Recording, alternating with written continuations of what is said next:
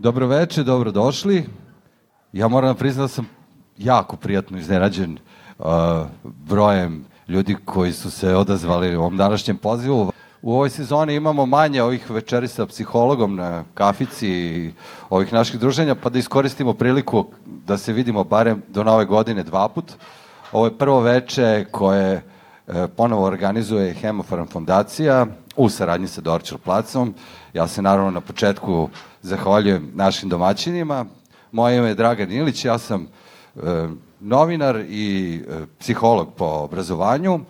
Današnja tema je burnout ili ti sad vidjet ćemo da li je samo sagorevanje ili sagorevanje na poslu, kako bismo možda slobodno mogli da prevedemo ovaj termin.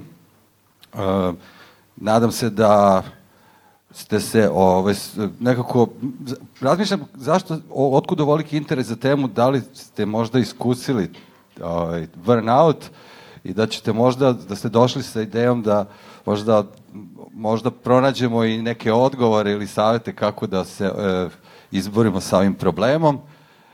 A problem je izgleda globalni, a pošto evo e, u našem razvoju i tranziciji smo došli do tačke e, sad da li je to sad trenutak propadanja liberalnog kapitalizma ili smo mi u prvobitnoj akumulaciji kapitala, nisam još uvek siguran, ali tu smo negdje jednom nogom s jedne strane, s drugom druge.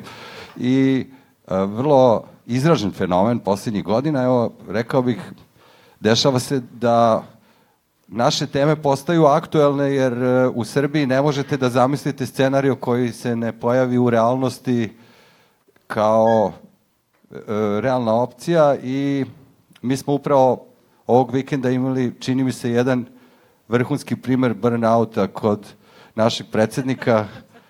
Tako da, e, naravno, mu brzo poravak, ali izgleda da je on žrtva ovog sindroma, jer kako kažu, burnout i upravo i nastaje kada niste zadovoljni e, kako sredina reaguje i vaše radno okruženje na vaš rad, mo, e, zalaganje i motivaciju, on čovjek verovatno osjeća da nije dovoljno shvaćen. Tako da ako je i predsednik priznao da može da se umori i da mu je potreban odmor, e, onda je očigledno burnout goruća tema, da tako kažem. E, I zato smo večeras pozvali relevantne gošće.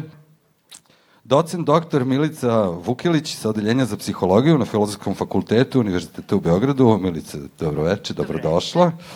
E, Olga Svoboda, rukovodilac GI Group HR Solutions, to je uh, Olga.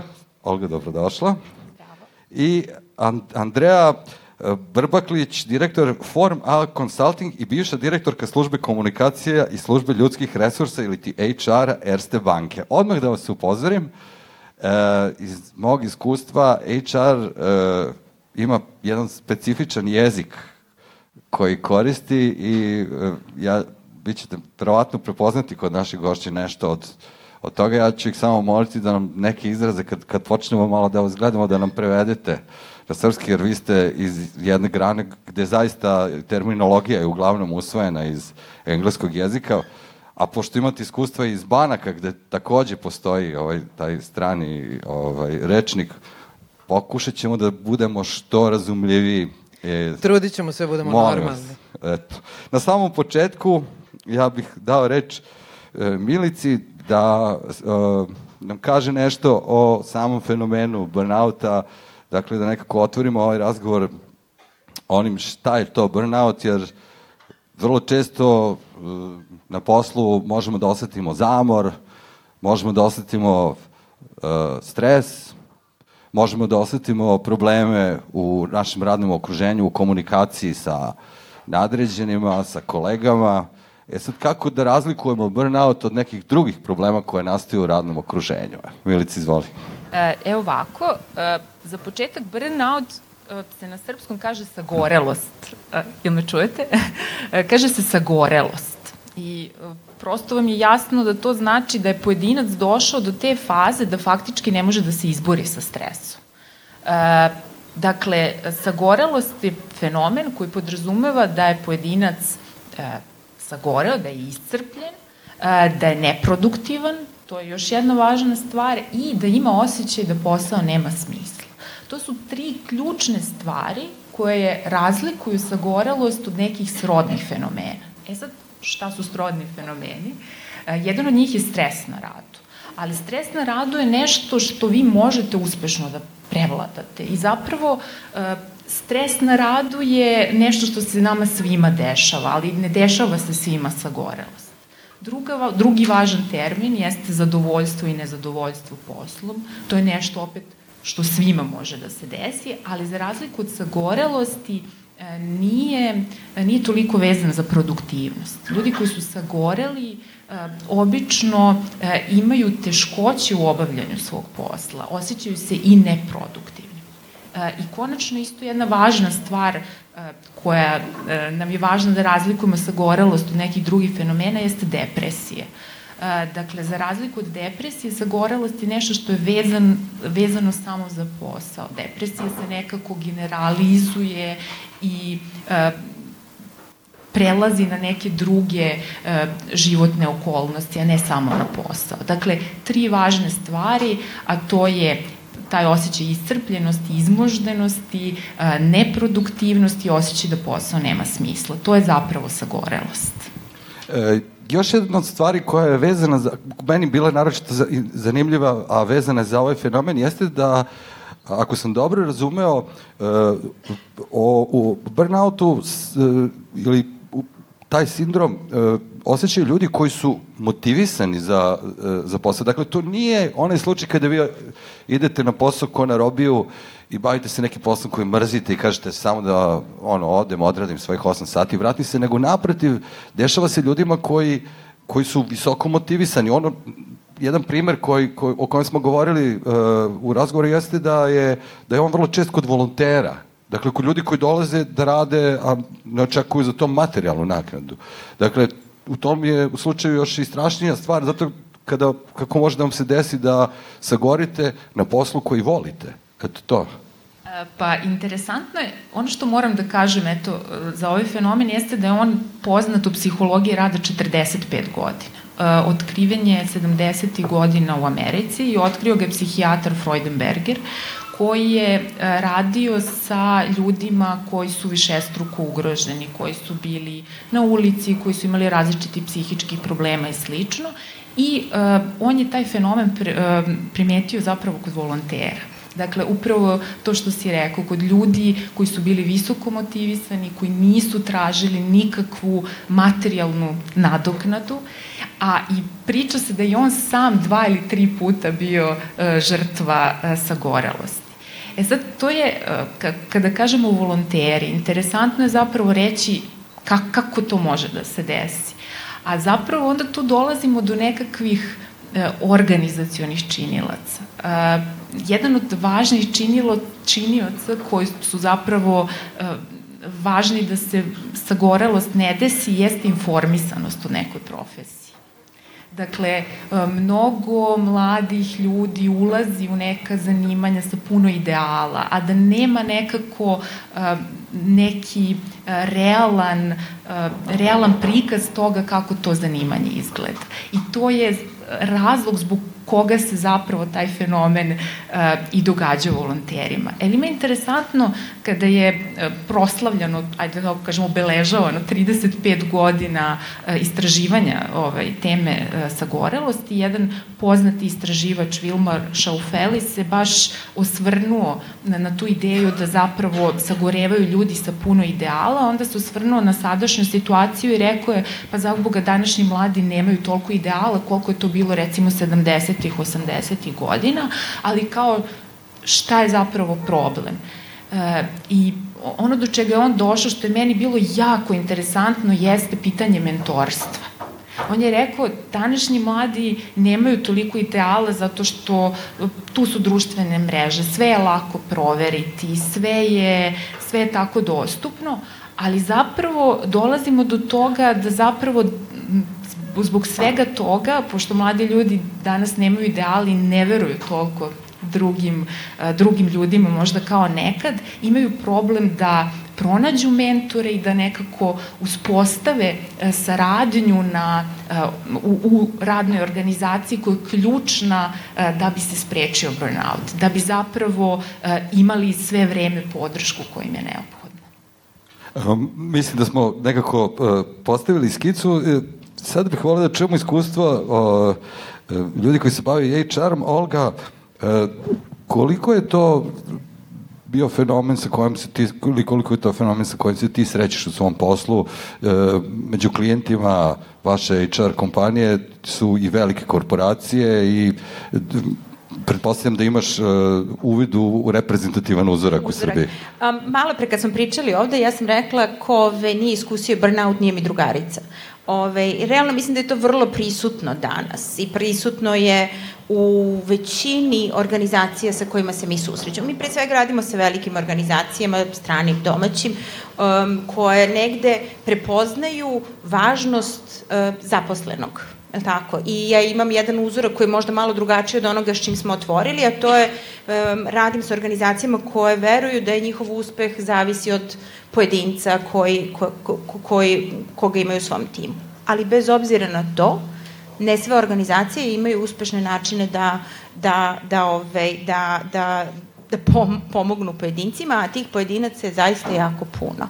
Uh, u današnje vreme neizvesnosti, velikih promena, pritisaka i tako dalje, burnout je nešto što se zaista um, dešava velikom broju uh, zaposlenih i mi to imamo priliku i da, i da, i da vidimo. Da li postoje neka, ja kažem, univerzalne rešenja koja mogu da se primene onako ovaj, gotovo u svim organizacijama sa kojima radiš? skoro sam pročitala neki članak koji kaže ovaj, da bi sve bilo mnogo bolje u celom svetu ako bi jednostavno svi bili dobri ljudi, kind, je tako? Tako i ovo, ukoliko bi organizacijama postojala iskrena, zaista iskrena briga, um, bi verovatno u velikoj meri um, mogli, bi mogli da rešimo ovaj, pitanje burnouta. Um, ali to nije, nije svuda tako, nisu svi pojedinci takvi i ono što kompanije u stvari rade, pokušavaju da uspostave vrlo jasne um, smernice, principe rada, vrednosti koje u stvari su podržavajuće za sve svoje zaposlene i omogućavaju im da budu i uspešni i produktivni i samim time zadovoljni u tome što rade. E, hvala ti. E, Andreja, e, hteo sam da, da te pitam, pošto da se ne lažemo, živimo u vreme kada kapital diktira, uh, kako kažem, i organizaciju, i ponašanje i nekako način odnosa prema zaposlenima, tržište to u krajnjoj liniji, i da li je moguće uskladiti interese, uh, kažem, kapitala, poslodavca, tih zahteva za rezultatom, sa potrebama pojedinca koji onda može da doživi burnout. Je li to nepomirljiva razlika ili kako funkcioniše taj princip? Ja mislim da je na, ta, na to pitanje teško dati da ne odgovor. A, ta razlika sigurno nije pomirljiva u svakom pojedinačnom slučaju i u slučaju svake organizacije, ali isto tako postoje slučajevi gde, na primjer, kad uporedimo tim A i tim B i ovaj tim B radi super, su svi zadovoljni, motivisani, podržavaju se, a, kako ja kažem, prepoznaju sobstvene, a postoji tim B gde postoji strah. Znači vidite već, već na, na prvu ruku da postoje razlike. Um, e, 20. vek i uopšte kraj 20. veka je insistirao na tome da mi kad dolazimo na posao nemamo emocije, jel tako? Šta god da nam se dešava u životu, to niko ne sme da vidi, nego ti ako si profesionalan, to se na tebi ne primećuje, ti dolaziš, odrađuješ posao, to prosto nije prirodno i nije ni normalno. Tako da ja mislim da mi u stvari živimo u jednom vrlo interesantno vreme gde se zapravo globalno menja sve. E, moje lično mišljenje je da je liberalni kapitalizam stigao do te faze e, potpune zrelosti, a sad je pitanje gde ćemo se transformisati. E, e, ono što teorija izučava i o čemu se razmišlja, to je sve manje hijerarhije, stroge hijerarhije, sve više uvažavanja znanja pojedinca i nekako sve ide u smeru e, odnosa, međuljudskih odnosa, prepoznavanja, uvažavanja, poštovanja i to su u stvari te esencijalne potrebe koje svi mi imamo svugde pa i na radnom mestu. E sad, iz nekog razloga, ja ne znam iz kog, ali su te multinacionalne kompanije zapravo, čini mi se, to je sad moje lično mišljenje, ne znam ko će se s tim složiti, ali model za vladanje je bio strah. Znači ti imaš strah da ćeš ostati bez posla, imaš strah da nećeš zadovoljiti.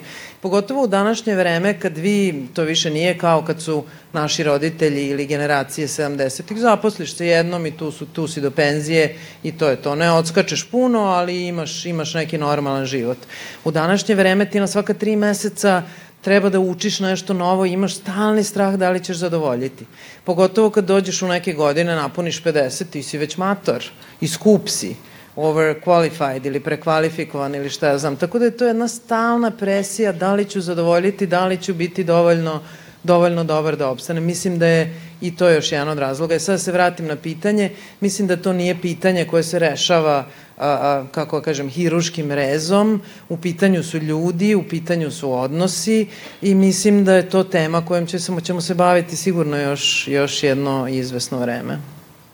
E, ja vas pozivam naravno da se uključite u razgovor, da sad ne moramo ono svaki put da idemo kao ovaj, u, u krugu, a vi šta mislite, tako da e, jedna od stvari, e, Milice, e, ako se govori o, o burnoutu, govori se o tom osjećanju prihvaćenosti na poslu, ade, o, o nekakvoj uklopljenosti u ambijent, o svrsi tog posla koji obavljaš, o ovaj, nekad se to govorilo, bilo je vrlo popularno krajem, ono, 90-ih, ono, misija i vizija, pa gde god odeš u firmu, šta god, čime god da se bave, pa ono, kao naša misija, naša vizija i naš tim i naš duh, I tako. To je ona priča koju kaže kad pitali su portira u, u Nasi, a šta ti radiš? A on je rekao stvaram uslove da bi, se, da bi čovek otputovao na mesec. Tako je, e, osjeća se kao deo tima. Yes. Uh, šta su, uh, ili šta, koje su to bazične potrebe uh, ljudske koje nisu zadovoljene pa se pojavi burnout? Pa jedna od tih stvari je autonomija postoji priča u literaturi koja je meni vrlo interesantna, to je da postoji mit o e, profesionalcima i o zanimanjima koje su uticajni, na primer o e, lekarima, psiholozima i tome koliko oni imaju slobode u svom zanimanju. A zapravo e, u tim zanimanjima se desila birokratizacija tim zanimanjima se desila birokratizacija usluge koja je strašno ugrozila autonomiju. I to je prva neka bazična potreba koja je neophodna i verujte mi, ona može da se postigne i kada je u pitanju proizvodni radnik, vi možete nešto da ga pitate. On može nešto da se pita za svoj posao.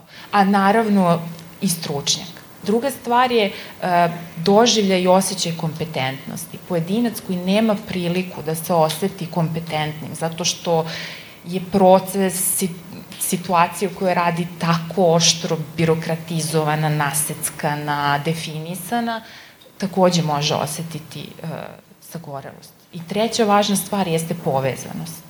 I to je ta priča o mentorstvu, o podršci koja je apsolutno neophodna i veoma važno pitanje, pitanje uvođenja u posao. To je nekako nešto što se često preskače, što traje veoma kratko, što je nekako žrtva nekih eh, instant programa umesto stvarno nekog sistematskog odnosa sa drugim ljudima.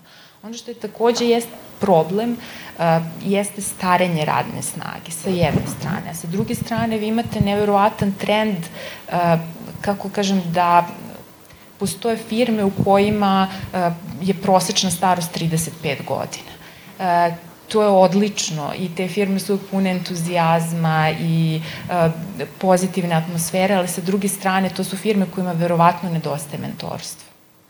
I to je stvarno veoma važna i ključna priča. Dakle, te tri stvari, autonomija, kompetentnost i povezanost, to su tri stvari koje uvek možete da kažete ako treba da razmišljam o tome uh, kako da napravim neki opis posla tako da bude dobar, da svi budu za, zadovoljni, uh, to su stvari u kojima psiholozi rada uvek razmišljaju gledaju, jer je to stvarno ključno za prevazilaženje ne samo sagorelosti, nego i mnogih drugih problema.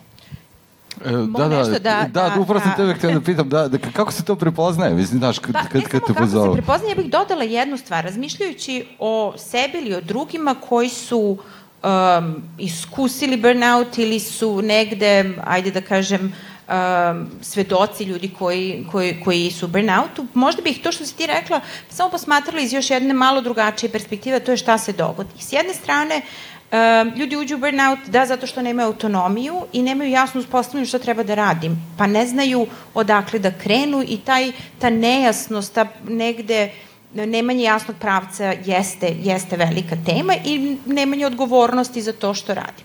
Ali i ako imaju autonomiju, a to niko ne prepoznaje i ne daje im uh, važnost i negde ne kaže da, dobro si to uradio, nisi mo... Znači, nemanje te povratne informacije, ja mislim da čak više ovaj, doprinosi burnoutu nego samo nemanje, nemanje, nemanje autonomije.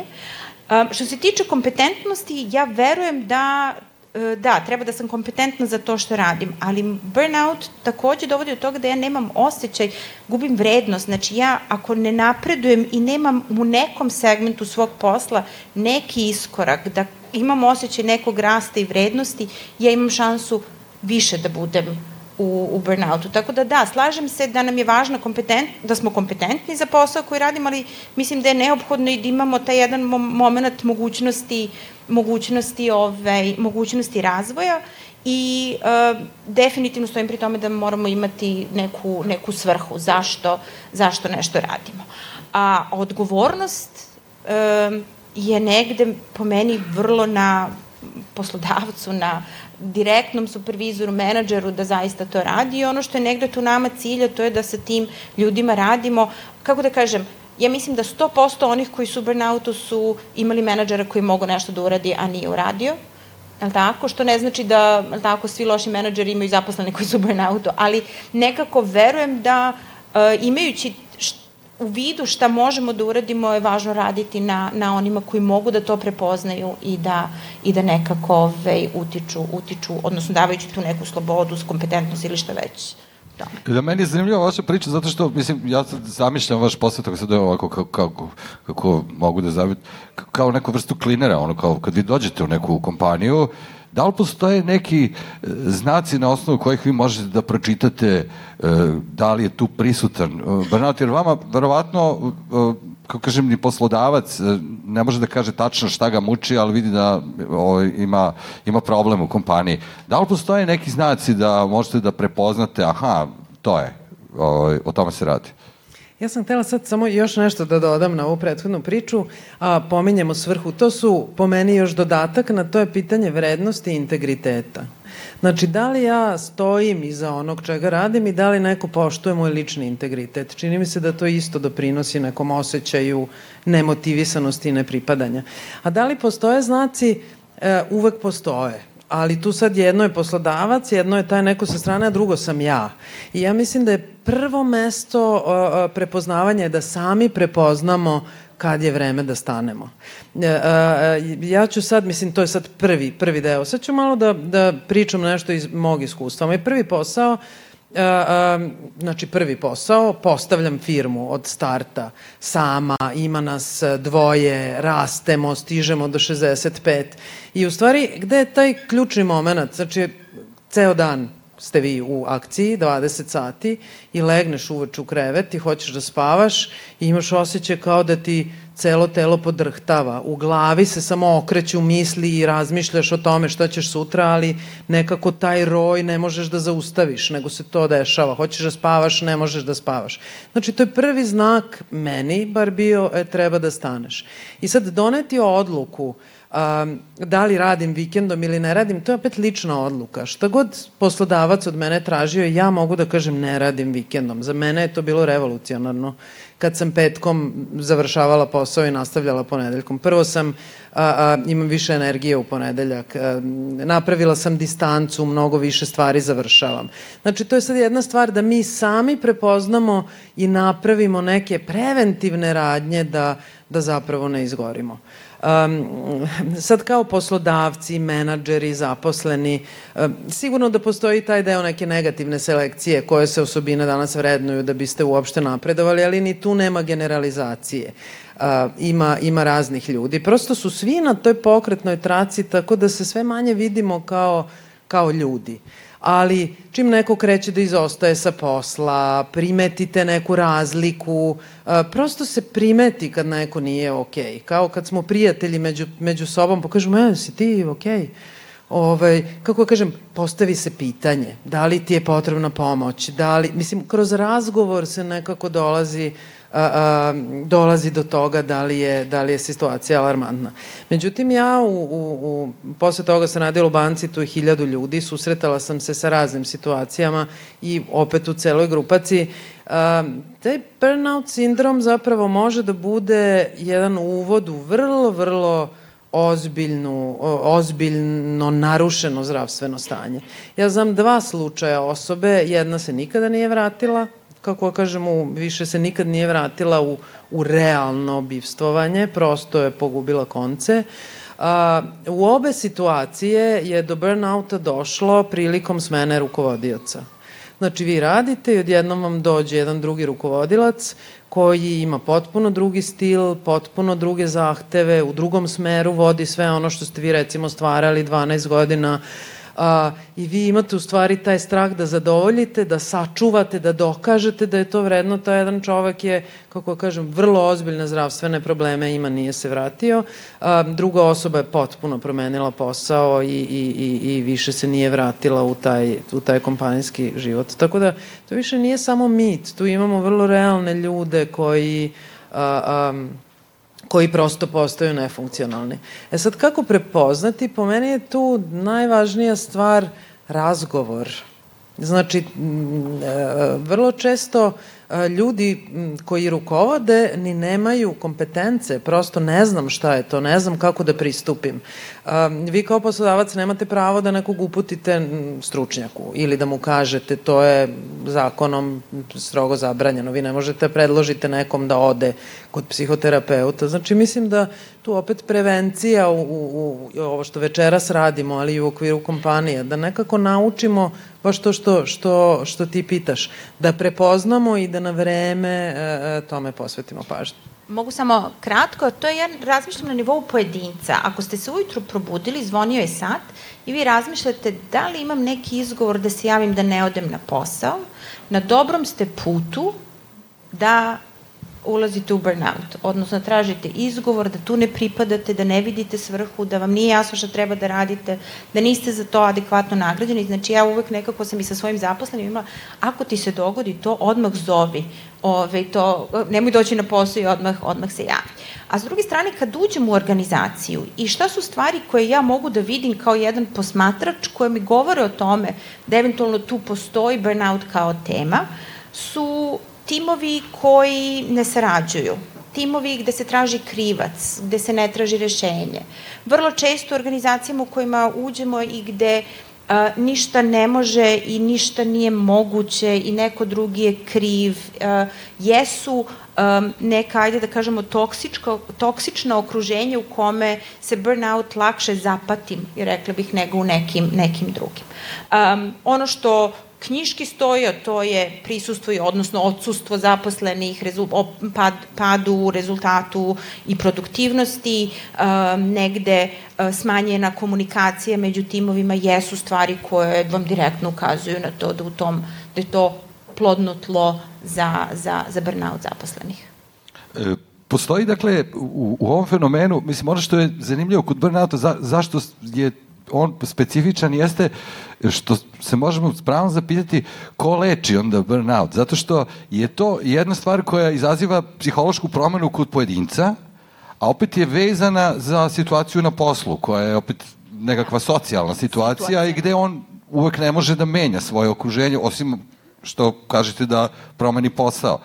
Tako da, e, da li onda, e, da li onda lek za burnout e, psihoterapeut, ili management u kompaniji gde radite. Prosto je pitanje gde je ta adresa, ili, kome, ko, s kim da popričaš kad imaš takav problem.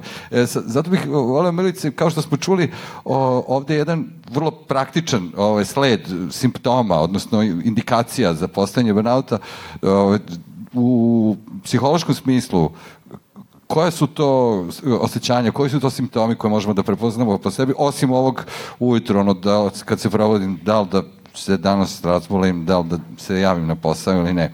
E, šta je to što možemo da prepoznamo kod sebe? Zato što se govori i o e, uticaju na koncentraciju, na komunikaciju sa drugim osobama i neke još druge stvari, pa bih voleo da prosto to najviše uvek zanima ljude Da li možemo da se prepoznamo, pažljivo slušajte, jer to je inače u psihopatologiji poznat fenomen, kad god slušate, prepoznaćete kod sebe sve fenomene.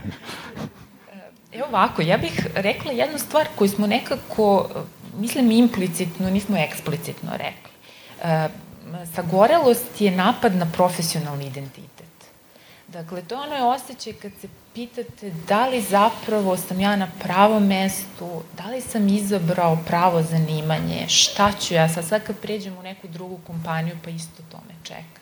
Dakle, e, sagorelost nekako poziva na to da mi zapravo a, e, preispitujemo to da li smo mi pravi čovek na pravom mestu u pravoj profesiji.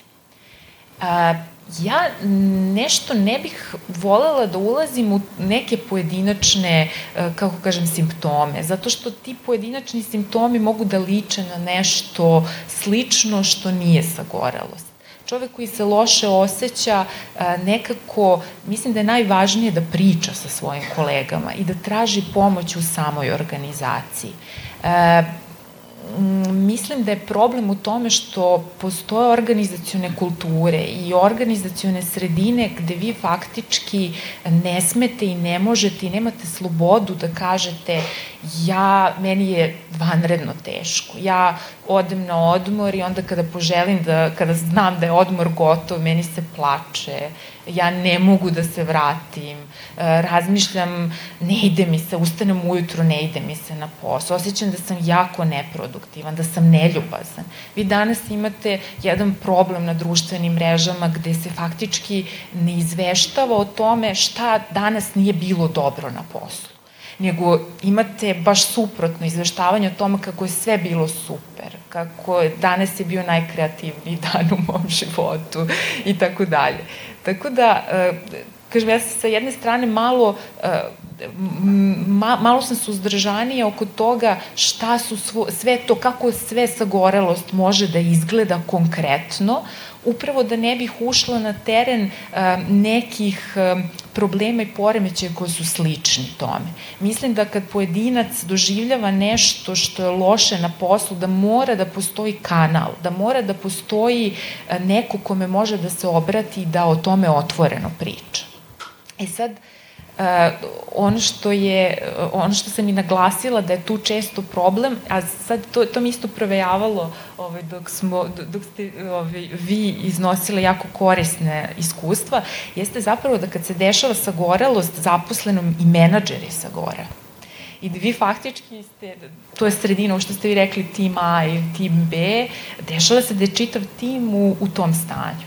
I to je onda zapravo, um, kako da kažem, problem kako to rešiti i kako se, e, kako se izvući tog zatvorenog kruga. To je jedan dodatak. Mislim, problem je u stvari u dehumanizaciji tih okruženja. Jer sad evo recimo situacija, vi imate menadžera, nekog srednjeg menadžera koji je pritisnut nekim ciljevima koje neprestano treba da, da postiže. I sad jedan član tima upadne u burnout i postaje neproduktivan. I šta on hoće? Da ga što pre zameni, jer čitav tim prosto ne postiže rezultat i nek se neko drugi bavi tim. To je realnost. E, i to je realnost koja zapravo i dovodi na neki način do burnouta. To je jedan začarani krug zapravo čitavog sistema funkcionisanja. E sad, kako ćemo se transformisati u smeru da mi tu pronađemo neku svrhu? Ja sam dala otkaz, ja sam radila u velikom sistemu, radila sam u banci i desilo mi se upravo to. A, prvo kad sam se zapošljavala u banci, onda je bilo pitanje gde ću ja u banku, šta? E, onda sam našla sebi motiv, pa okej, okay, to su sistemi kakve ne želimo da vidimo, ali ja idem tamo da se zaposlim i da menjam stvari za koje smatram da treba da se menjaju. Mogu da budem sa strane i da pljujem, a mogu da uđem i da dokažem, to su opet neki ljudi koji rade zajedno i veliki je motiv i to su obični normalni ljudi u svim institucijama pa i u bankama, iako su demonizovani ti ljudi na šalteru koji u stvari predstavljaju banku su pod najvećim stresom, jer se tamo istresaju svi, najmanje... Ima jedna, nedavno sam prošle, e, pre dve nedelje sam radio u jednoj banci, uopšte nije važno kojoj, mislim da je najstresniji posao call center koji opominje za docnju kredita. Znači, tu radi ljudi, ja sam ono pomislio da je to ono kao ne za beneficirani staž, i ti zoveš ljude koji, koji kaže, mi ono, znamo da svaki taj poziv, to, to je poziv koji koji se ne odbija, nije baš najprijatniji i tebi se tu sigurno gomila. Da, to je strašno. Uvek si loš. To je kao ono zubar kojeg ti popravljaš zubića, ali ono ljude, ljudima nosiš bole i oni se mršte dok te, A to je neki čovek koji radi za 300 eura, yes. ima dvoje dece i nema... I prva rečenica koju sam čuo od tih žena jeste, a znate i mi imamo kredit. Mm. E, to je ta priča. I onda to je to kao uh, nekako da ti shvatiš da i ti ljudi koji tamo rade da su ljudi sa svojim osobinama isto tako da i bankari su ljudi tako da kažem. Verovali ili ne. Interesantna stvar vezano za to ovaj, uh, postaje se pitanje zašto sagorelost počela da se izučava 70. godina. Mislim, Zaboga rad je bio suroviji u 18. 19. veku nego 70. godina prošlog veka u Americi. A onda je to zapravo povezano sa uh, porastom uh, uslužnog sektora.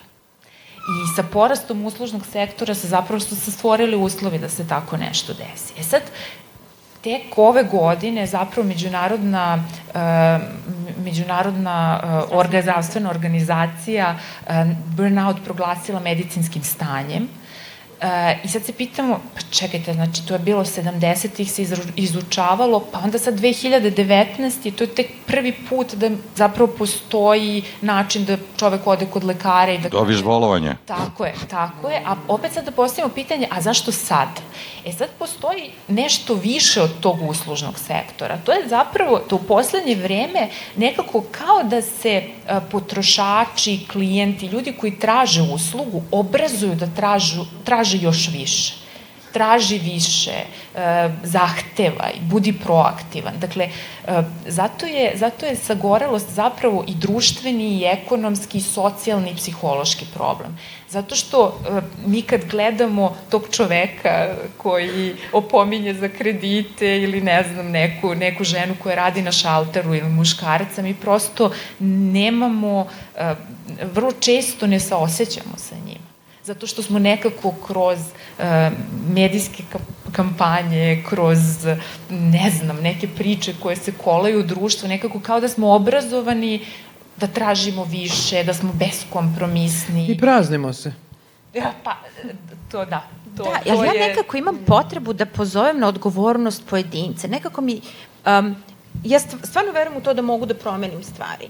I sa te strane, da, svet je takav, negde je tako, neko pati, ja patim i tako dalje, ali ja nekako verujem da i mi danas sedeći ovde i pričajući na ovu temu, a i svi vi koji ste došli, treba da se zamislimo, čekaj, čekaj, da li sam u problemu ili nisam, šta ja mogu da uradim, šta moj tim može da uradi, kako ja mogu da pomognem sebi u nečemu što je činjenično stanje. Svet je ubrzaniji, više se očekuje, više se traži, nestabilnije, nekako zaista je drugačije nego što je bilo i ja u tome treba da preživim i šta je to što ja kao pojedinac mogu da uradim, šta je to što moj tim, šta ja kao menadžer mogu da uradim da nekome, da nekome pomognem.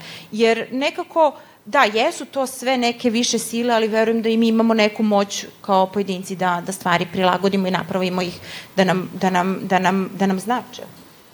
Za mene je recimo e, jedna situacija koja mi, bilo je potrebno možda 20 godina da bolje razumem jednu situaciju, a to je opet jedna prilika kada se se eto sticam okolnosti bavio nekakvim ono, HR-om, u stvari više obukom. Uh, žena koje su radile na šalterima u pošti ovaj, i koje su trebale da ovladaju nekim komunikacijskim veštinama da bi recimo bile ljubaznije, da bi se ta komunikacija sa klijentima sa nama koji dolazimo u poštu popravila i da bi to sve skupo izgledalo lepše. Bilo je tu iz e, Srbije i Crne Gore, ovaj, dama i u godinama, poštanske službenice su onako po definiciji žene koje su izložene svim svakodnevnim ovim našim raspoloženjima i vrlo često su izmorene i pod stresom.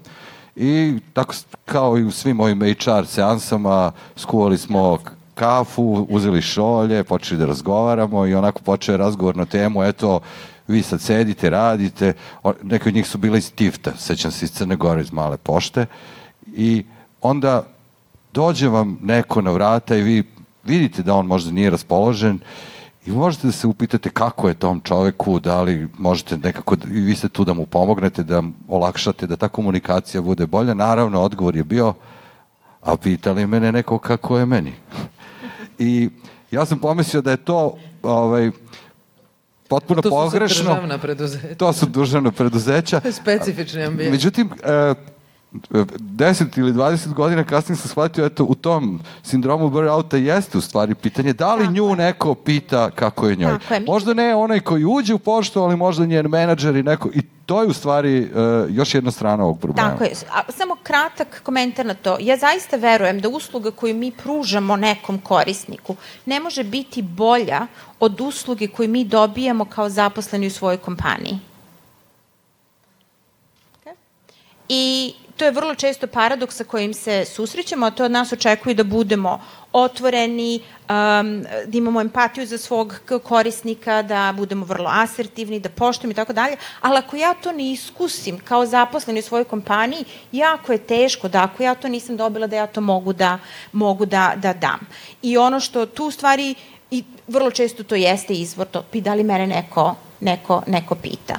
I važno je onda razmisliti se, aha, šta, s čim osnažiti tu ženu, da ona može da, ako je ne pita, da kaže i kako da kaže, a kako osnažiti njenog menadžera da razume zašto mu je važno da ona bude ok tu gde jeste. I to je ono što je naš zadatak. Tu sam ja još nešto inspirisana tom pričom, ali neću se nadovezati na, na, na žene koje rade u pošti. Uh, U stvari, pitanje dobrog rukovodioca jeste kako napraviti atmosferu u timu gde nije ko šta mora, ti radiš to, ti radiš to, nego da napravimo atmosferu u kojoj se prepoznajemo kao bića, kao pojedinci, u kojoj ja želim da pružim najbolje što mogu. E, ali imam još ovaj jedan predlog, jer ako vi predložite jednom, drugi put, treći put, jednom vas odbiju, drugi put vas odbiju, treći put to nećete raditi. Ako vas neko iskritikuje pred timom, više se nećete... Znači, kako da napravimo atmosferu u kojoj je problem, govorimo o problemima jer na njima učimo pa ih prevazilazimo, a ne ponavljamo ih sto puta i gledamo da ih sakrijemo. Znači, ja mislim da je, da je važan deo prevencije u stvari u, u, sprečavanju burnouta upravo ta atmosfera i tu se onda svodimo na neke opet bazične stvari koje su svima nama važne, a to je to poštovanje, uvažavanje, mogućnost za razvoj i u stvari okruženje u kom ja imam svrhu jer osjećam da doprinosim, ako sam doprineo, neko je to prepoznao, pa mi je rekao ovo si super uradio, mi smo svi ljudi i nama svima zna, meni znači kad mi neko kaže, ej, svaka ti čast. To ne mora da bude, čak sva psihološka istraživanja pokazuju da plata jeste motivator, ali taj motivator traje mesec dana ili dva. Kolika god da vam je plata, vi se navikavate na veći nivo potrošnje. Ovaj, nama je... To je bilo moje sledeće pitanje, da li se burnout leči većim platom ili povišicom? Ne, ne. Ne.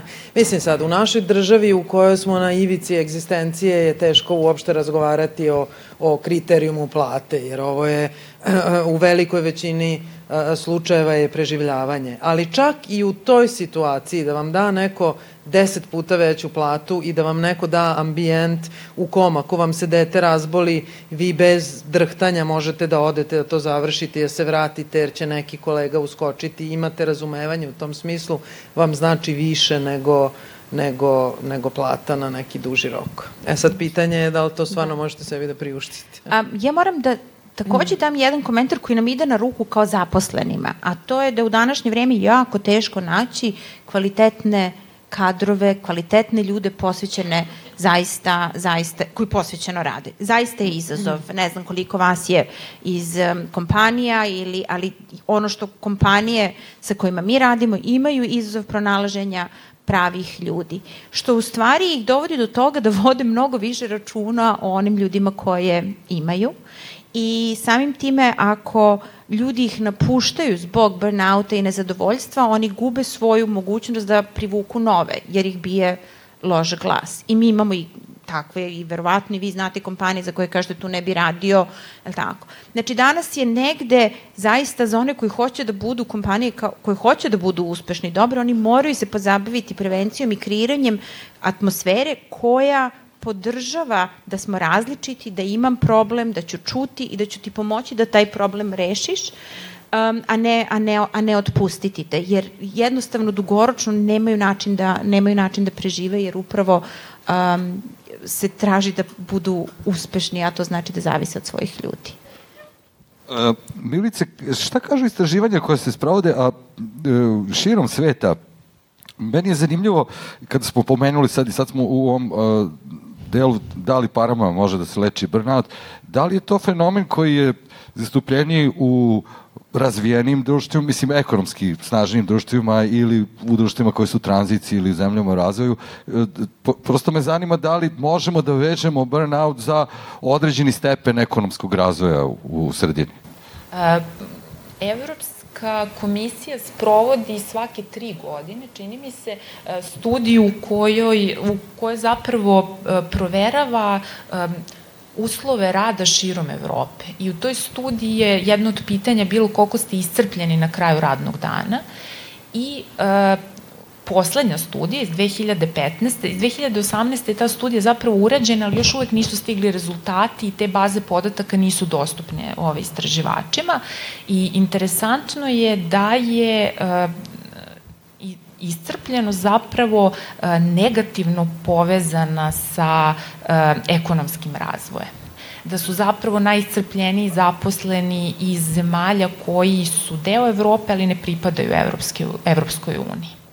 E, e sad, tu ima mnogo činilo, činilaca kada se kaže ekonomija, to je, ima, ima jedan, meni se jako dopao taj koncept centralnosti posla upravo to koliko i da li pojedinac kada mu se desi nešto loše, na primjer sagorelost, može da izađe na tržište i da nađe kvalitetan posao ili ne.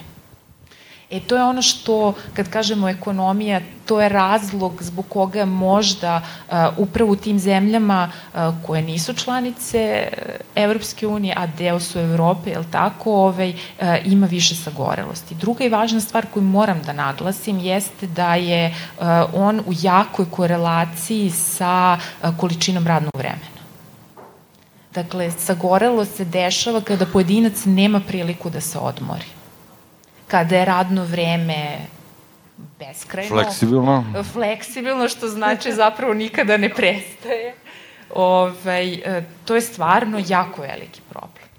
I stvarno, ako se dobro sećam, mislim da se dobro sećam da su najče korelacije bile upravo sa količinom vremena provedenim na poslu. Zapravo jer je to vreme kada mi možemo da se oporavimo, a nemamo priliku da se oporavimo. Da li onda to uh, ima vezi sa nekim oblastima uh, gde je burnout izraženiji?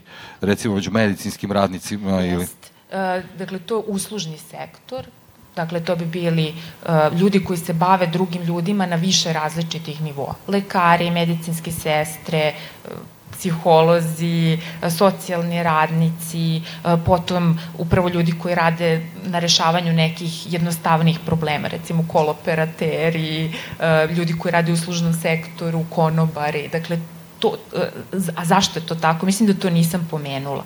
U tim poslovima postoji nešto što se zove emotional demands odnosno emocionalni zahtevi posla. Vi morate da ispoljavate emocije koje često nisu u skladu sa onim što vi osjećate. I zapravo tu dolazi do tog, eh, do tog problema da zapravo trošite mnogo više resursa nego što imate priliku da, da, da ove obnovite. To je ono, pita neko mene kako je meni. E, pa, to je Da, da. Prepoznala si neki od ovih Da, stvari. svakako. Um, ono, što, ono što mi je, dve stvari koje mislim da su, da su značajne što se tiče samo novca, da odgovorim na to, to je novac jeste važan dokle god uh, nam kupuje onu osnovnu egzistenciju. Tako? Ako je, imamo i ako smo okej, okay, on post, njem, njegova važnost definitivno. Maslov Tako, da, njegova važnost, njegova važnost ovaj, uh, opade i ne rešava nam, ne rešava nam problem. Um, s, jedne, s jedne strane. S druge strane, tvoje pitanje ovaj, um, je malo pred, bilo ne, ne samo novac, nego um, nego, nego ekonomija kao takva i ekonomija kao takva definitivno je nešto što mi živimo trenutno u okruženju gde smo na dnu uh, tako, tih, tih svih skala. Um, ali ono što je takođe važno možda reći, reći u tome, a to je da um, mi ne možemo mnogo da, da uradimo i da promenimo neke sisteme, ali tako, ali možemo da krenemo možda da razmišljamo šta možemo da uradimo na nivou minimalnog tima. Ali tako, nekako šta je to što može da se pomeri u jednom timu bez obzira gde se, gde se, on, gde se on nalazi. Uh, i sa te strane ono što jeste poziv, poziv je šta mogu da uradim, tako, jer znamo da sam na dnu. Neke kompanije, kada pričamo o vremenu i fleksibilnom radnom vremenu, šta rade ono uvode sad, jeli, čitamo svi, četvorodnevna, četiri dana radna nedelja, ne smiju da se šalju e-mailovi posle 7 sati uveče, ne smijete da šaljete mailove vikendom, tako, sve se radi u radno vreme, zato što u stvari na nivou tima ili organizacije kompanije pokušavaju da obezbede vreme za odmor um, jer nekako to vreme nam, bi, s tim što smo konektovani, nam oduzimaju i pokušavaju da u stvari naprave jasna pravila kako bi obezbedili zaposlenima vreme samo za odmor i za njih. Tako da nekako na nama je da razmislimo šta nam treba i šta možemo da uradimo i da to tražimo. Vrlo često se ponašamo da da smo na nekom talasu koji je dal pozitivan ili, ili, ili negativan. Ali imamo sjajne primere timova gde su ljudi tražili i rekli šta im treba i šta hoću i da su nešto pomerili. Tako da... Pa da, na kraju završimo na kvalitetu života, u stvari.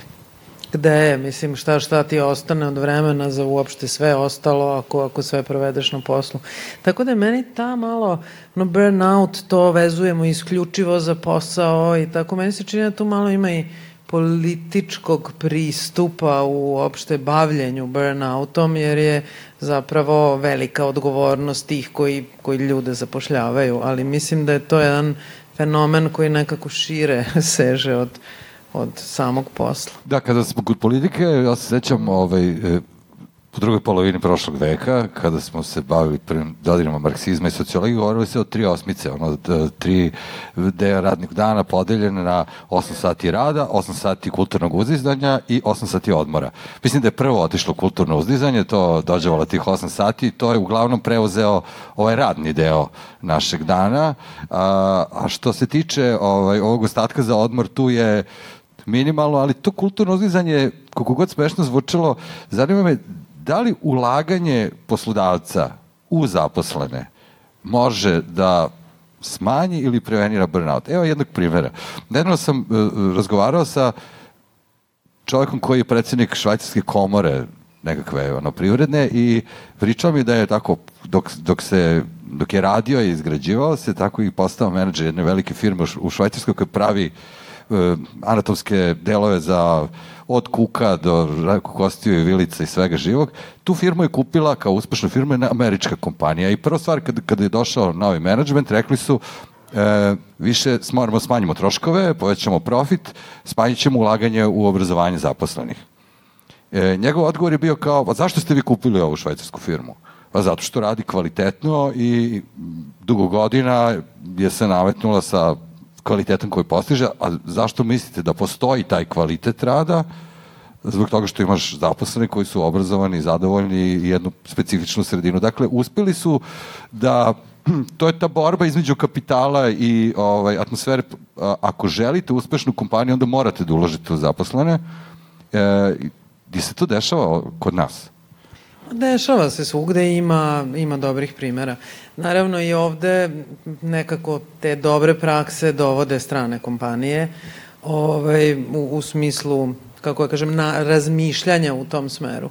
Ali ono gde prava razlika u stvari jeste u ljudima koji to vode i ima izuzetnih primera. Znači, vi možete napraviti čuda ako vam je stvarno stalo i nije sve nužno uvek ni vezano za novac. Mislim da ljudi koji rade zajedno, to neformalna uh, jedno je obrazovanje i ulaganje u razvoj, znači da, apsolutno je neophodno i smatram da je to investicija, to nije trošak. Znači svako ko dugoročno posmatra stvari prosto ulaže jer, jer se to na, na duži rok isplati i kompaniji. Znači samo je, samo je pitanje svesti.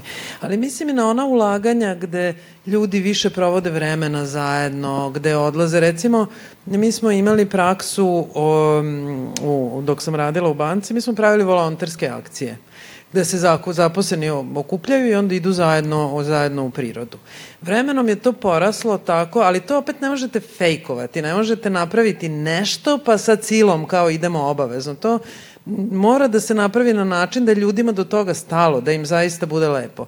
Potom su ljudi, kako kažem, zaposleni su sami delegirali, evo ne znam, kod mene reka Morava je prljava, dođite imam vikendicu koja za idemo počistimo i to je stvarno postao jedan pokret što isto utiče na atmosferu i kulturu cele organizacije.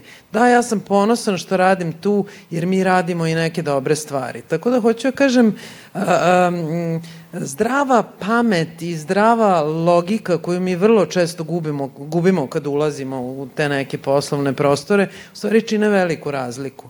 Nema tu velike filozofije. O? Kad dođemo u kancelariju pa se vidimo da li Mislim, to su neke, neke jednostavne stvari koje, koje čine u stvari razliku. A ulaganje u zaposlene, apsolutno. Mislim, ja smatram da je to investicija čak koja ima, kako bih rekla, poslovni, poslovni, poslovnu dobit na duži rok. I logiku, da.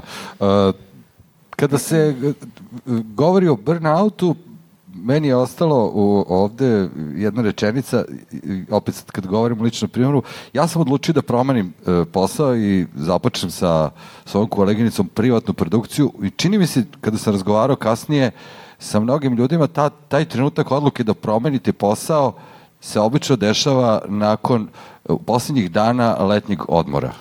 E, znači, to, prepoznao sam uh, se u, u, u toj situaciji da tih poslednjih nedelju dana, ako vam je recimo odmor tri nedelje, ono poslednje nedelje kad razmišljate o povratku na posao i ako razmišljate o tom poslu kao nečemu u čemu se vraćate sa radošću i entuzijazmom ili da li je to stvarno mesto gde ja treba da budem, I posle sam to mnogo puta čuo od, od, uh, u svom okruženju kao uh, da, da je poslednja nedelja godišnjeg, letnjeg godišnjeg, zimski odmor je obično kraći, je trenutak za te velike odluke ono, u životu, menju posao.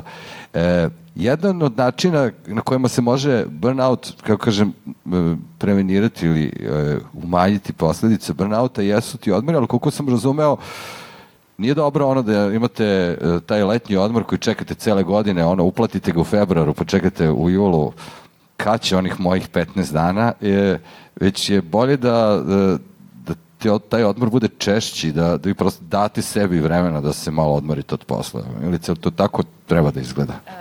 Jeste, dakle, odmor je strašno važan. Ima jedna interesantna stvar koju često vidim kod poslodavaca sada, to je insistiranje na kreativnosti. To me podsjetilo kad si rekao, setio sam se, ne, odlučio sam. To je zapravo meni zvučalo kao ne, neka, nešto kreativno što si zapravo uradio, ali kao uvek, da se vratim na temu, ove, dakle uvek gledam među poslodavcima kao važno da zaposleni budu kreativni, da postičemo kreativnost, da imamo kulturu kreativnosti, originalnosti i ostalo, a onda ti ljudi rade 10 sati i nemaju prilike da se odmore. Da bi mozak bio kreativan, potrebno je da, da imamo priliku da se odmori. Dakle, odmor je prilika, kada vi zaposlenom date odmor, vi mu date priliku da bude možda inovativan, da sakupi i da napuni svoje resurse, a isto takođe da dajete mu nekako priliku da e, taj neki svoj profesionalni identitet koji je napadnut sa goralošću malo nekako vrati na noge.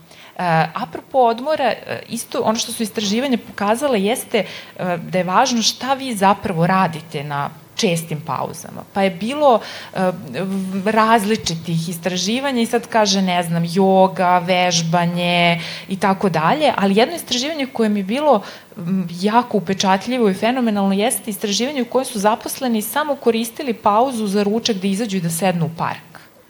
I pokazalo se da, da je zapravo to pokazalo mnogo veći uticajni efekat nego sad recimo vežbanje aktivno ili neki program koji je implementiran na samom poslu koji se tica od toga kako provesti pauzu.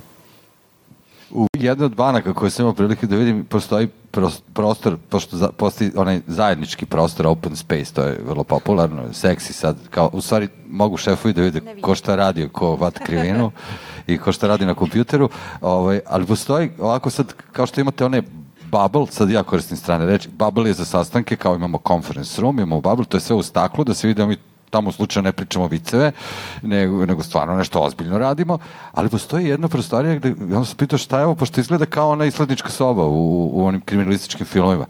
Onda su mi rekli da je to focus room da, da to ka, kada neko eto, to, tokom svog uh, radnog dana poželi da se osami kao da se koncentriše na neki problem, prvo bilo mi je čudno opet individualno rešavanje problema, a drugo fokus ono se rekao, to u stvari znači kad neko popi, mislim, iznervira, da ne bi ono na, počeo, da, da ga zatvore tu na 15 minuta i onda se vrati malo mirnije, da, ili mirnija, da. Ovaj, to, je, to, je, to je da priča. E, kako izgleda sad tu uh, sa, sa kompanijama sa kojima radite? Uh, mi sad imamo prilično ograničene resurse, taj broj god, dana godišnjeg odmora i uh, kako da napravi čak pauzu? Tu su i dobri, mislim, da. ako se poredimo sa Amerikom, onda ono radiš bez prozora u boksovima, tako da verujem da i Amerika prednjači u tom istraživanju, tamo kad izađeš u park na pauzi. Australija u pitanju. Australija, ali tu negde. Ovaj boravak u prirodi nama isto, ja mislim, strašno fali ovim velikim gradovima za taj neki, za, za to neko puštanje. A šta si me pitao sad? Malo sam... Um, Jel može se dobije, mislim, jel vi možete da ubedite poslodavca da on kao tu, kao malo fleksibilnije... Ovaj, Ovo je ono što istraživanja pokazuju, u stvari, da se vratim na onaj godišnji odmor, je da je korisnije za nas da idemo češće, a kraće. Znači, bolje sedam puta na pet dana produženi vikend gde imam samo petak i ponedeljak, pa vratim se utorak, manje nedostajem se posla, manje stvari se nagomila i tako dalje, da je, da je to korisnije za, za neku našu dobrobit. E sad što se godišnjeg tiče, recimo meni je broj dana godišnjeg uvek bio važniji nego plata. E sad, to je, to je opet pitanje kako postavite stvari i mislim, to je jedan začarani krug u stvari. Razumete, to je taj pritisak u kom se ljudi nalaze i zapravo vi pišete godišnji, pišete neke slobodne dane koji ne koristite. Ja se zato vraćam i na to što ti kažeš i to sa čim sam počela. Mi smo ti koji imamo jako velik uticaj na to šta dozvoljavamo, gde su nam granice. Jedno je rukovodilac, jedno je, ali mi se sad ponašamo kao da vi uđete u to i odjednom vas sve to opsedne. Moja je ta moć šta hoću i, i šta neću. Mislim, problem u današnje vreme što je taj strah i ta neka lažna sigurnost je ono što nas, mislim, sigurnosti više nema. Vi danas kad napunite 50 godina, ne, izbace vas, mislim kako da kažem, preko noći ostanete preko pos, bez posla, niko vas više neće zaposliti i opet nekako, nekako bude. Tako da hoću da kažem, mi smo tvorci nekako u velikoj meri onoga šta hoćemo i šta nećemo. Ja sam u timu imala, recimo, razne ljude. Jedan je u pet uvek išao kući. I šta se dešava? Mi smo to svi prihvatili. I znali smo njega posle pet niko nije zvao, nikomu nije davao nikakve zadatke, a mi ostali smo bili fleksibilni zato što je on to tako postavio. Nismo to postavljali kao minus.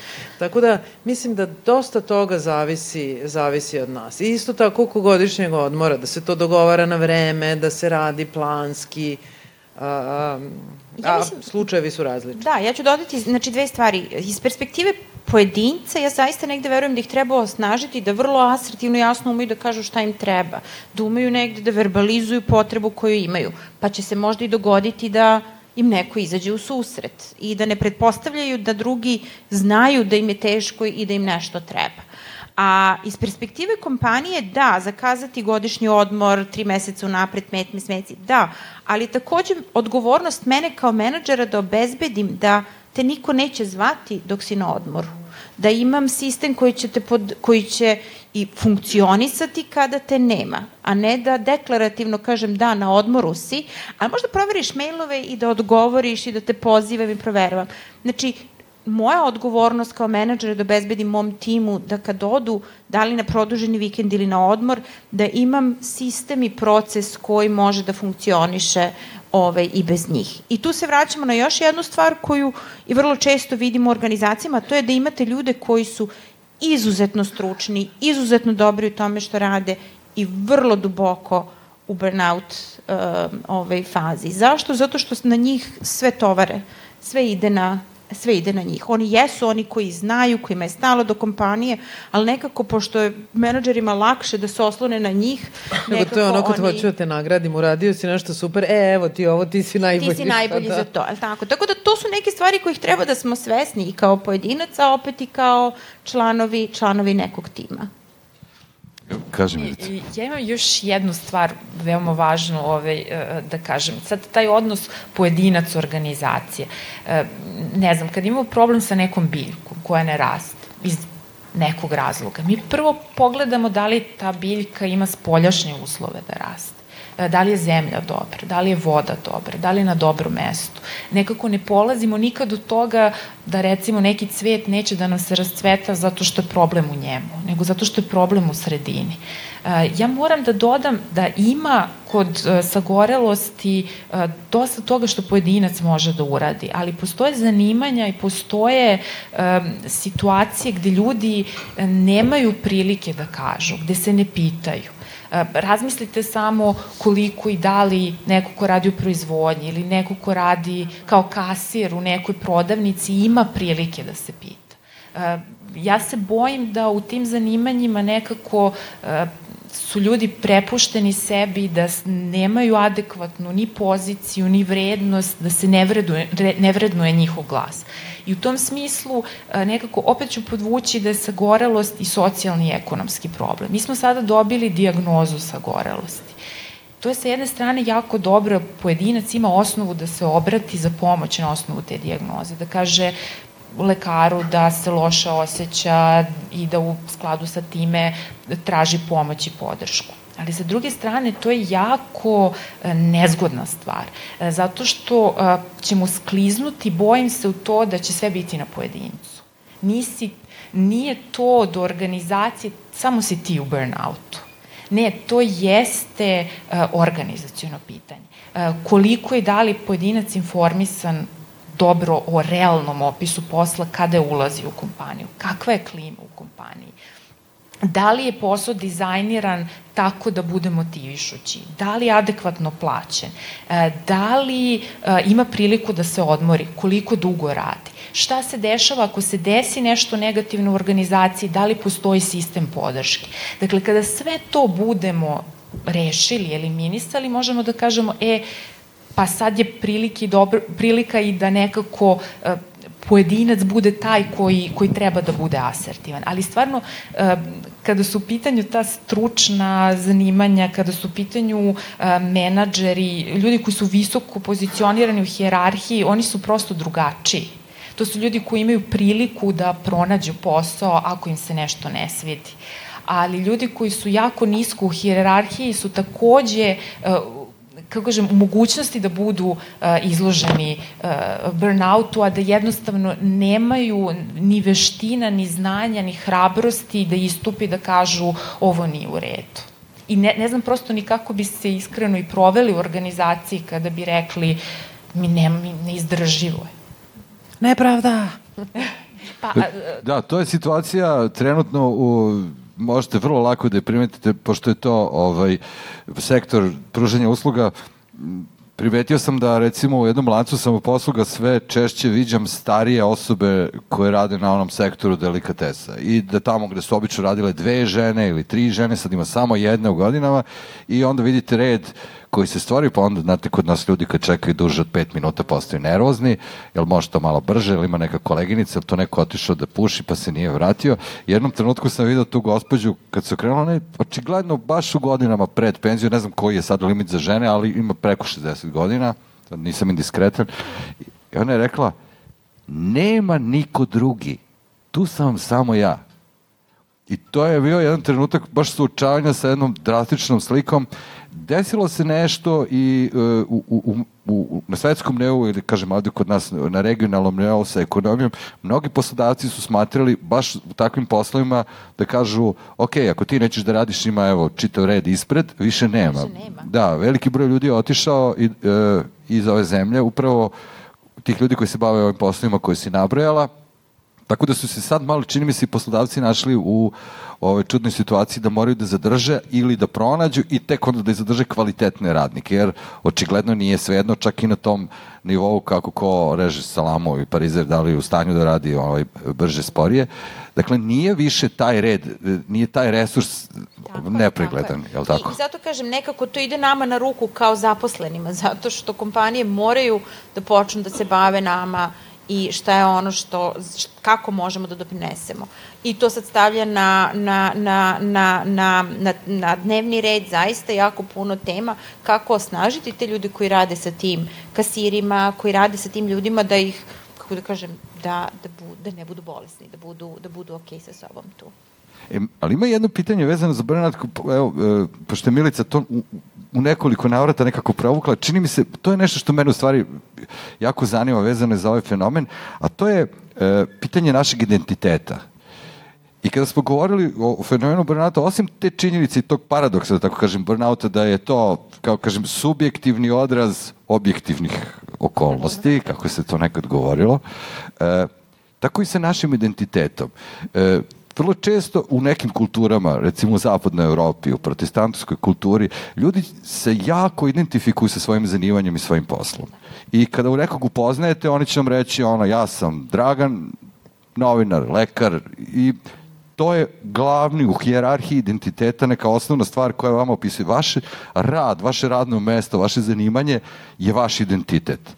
E, mene sad zanima, pošto sam ja uvijek imao utisak da kod nas uh, je zanimanje uvijek bilo nešto kao nije nikad prvo pitanje, nego ono, ej, a šta radiš, ono, gde ti ono radiš? To nije ni na slavi prvo pitanje, nego onako kao, a kako, za koga navijaš, pa ne znam šta, pa voliš ovog ili onog političara, koji si školu išao, da si ženji, imaš ribu i tako, misli, sve što prođe, pa na kraju ono od čega živiš. E, da li se tu nešto promenilo, odnosno koliko je nama zbog burnouta e, naš profesionalni identitet bitan. Jer imam utisak da je onda naš profesionalni identitet i to pitanje svrhe ugroženo e, koliko su kod nas ljudi zaista vezani e, za, za svoj posao. E, pogotovo zbog ovog stalnog menjanja posla, zbog e, činjenice da imamo tu nesigurnost i neizvestnost da ljudi menjaju posao. E, da li se tu nešto promenilo i da li danas recimo ljudi, kod ljudi se i pojavljuje burnout zbog toga što je ugrožen njihov identitet.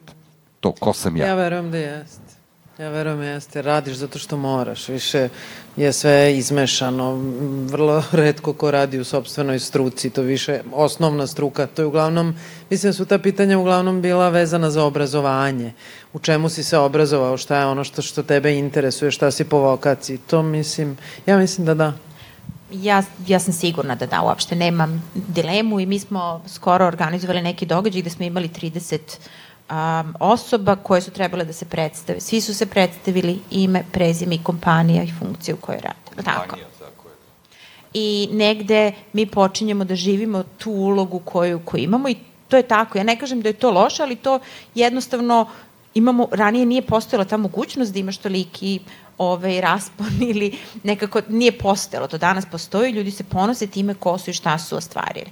Um, ali je, i, da, tako da to stoji... A više ali, u materijalnom smislu, tako ono, ko, ko, nosi ko, statusni, im... određeni, određeni statusni simbol.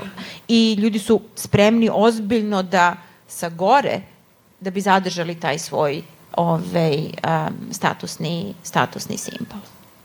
Jedno, da, jedna stvar gde, gde sam pokušao da razumem recimo kod novinara, gde takođe postoji ovaj, uh, burnout, to je uh, novinarski posao je prilično diskreditovan moram kažem da nije nešto preterano plaćeno u većini medijskih kuća, ali ljudi e, sagorevaju na poslu da bi dokazali da su da, o, novinari, da su deo nekakvog tima ili da, i, i, i deo njihovog identiteta, da kažu da je novinar. E, da li postoji istraživanja koja, koja se bave ovom temom?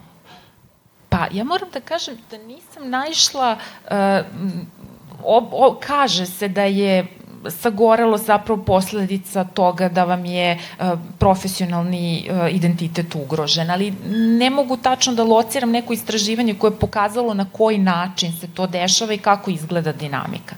Ali moram nešto da kažem vezano za kulturu.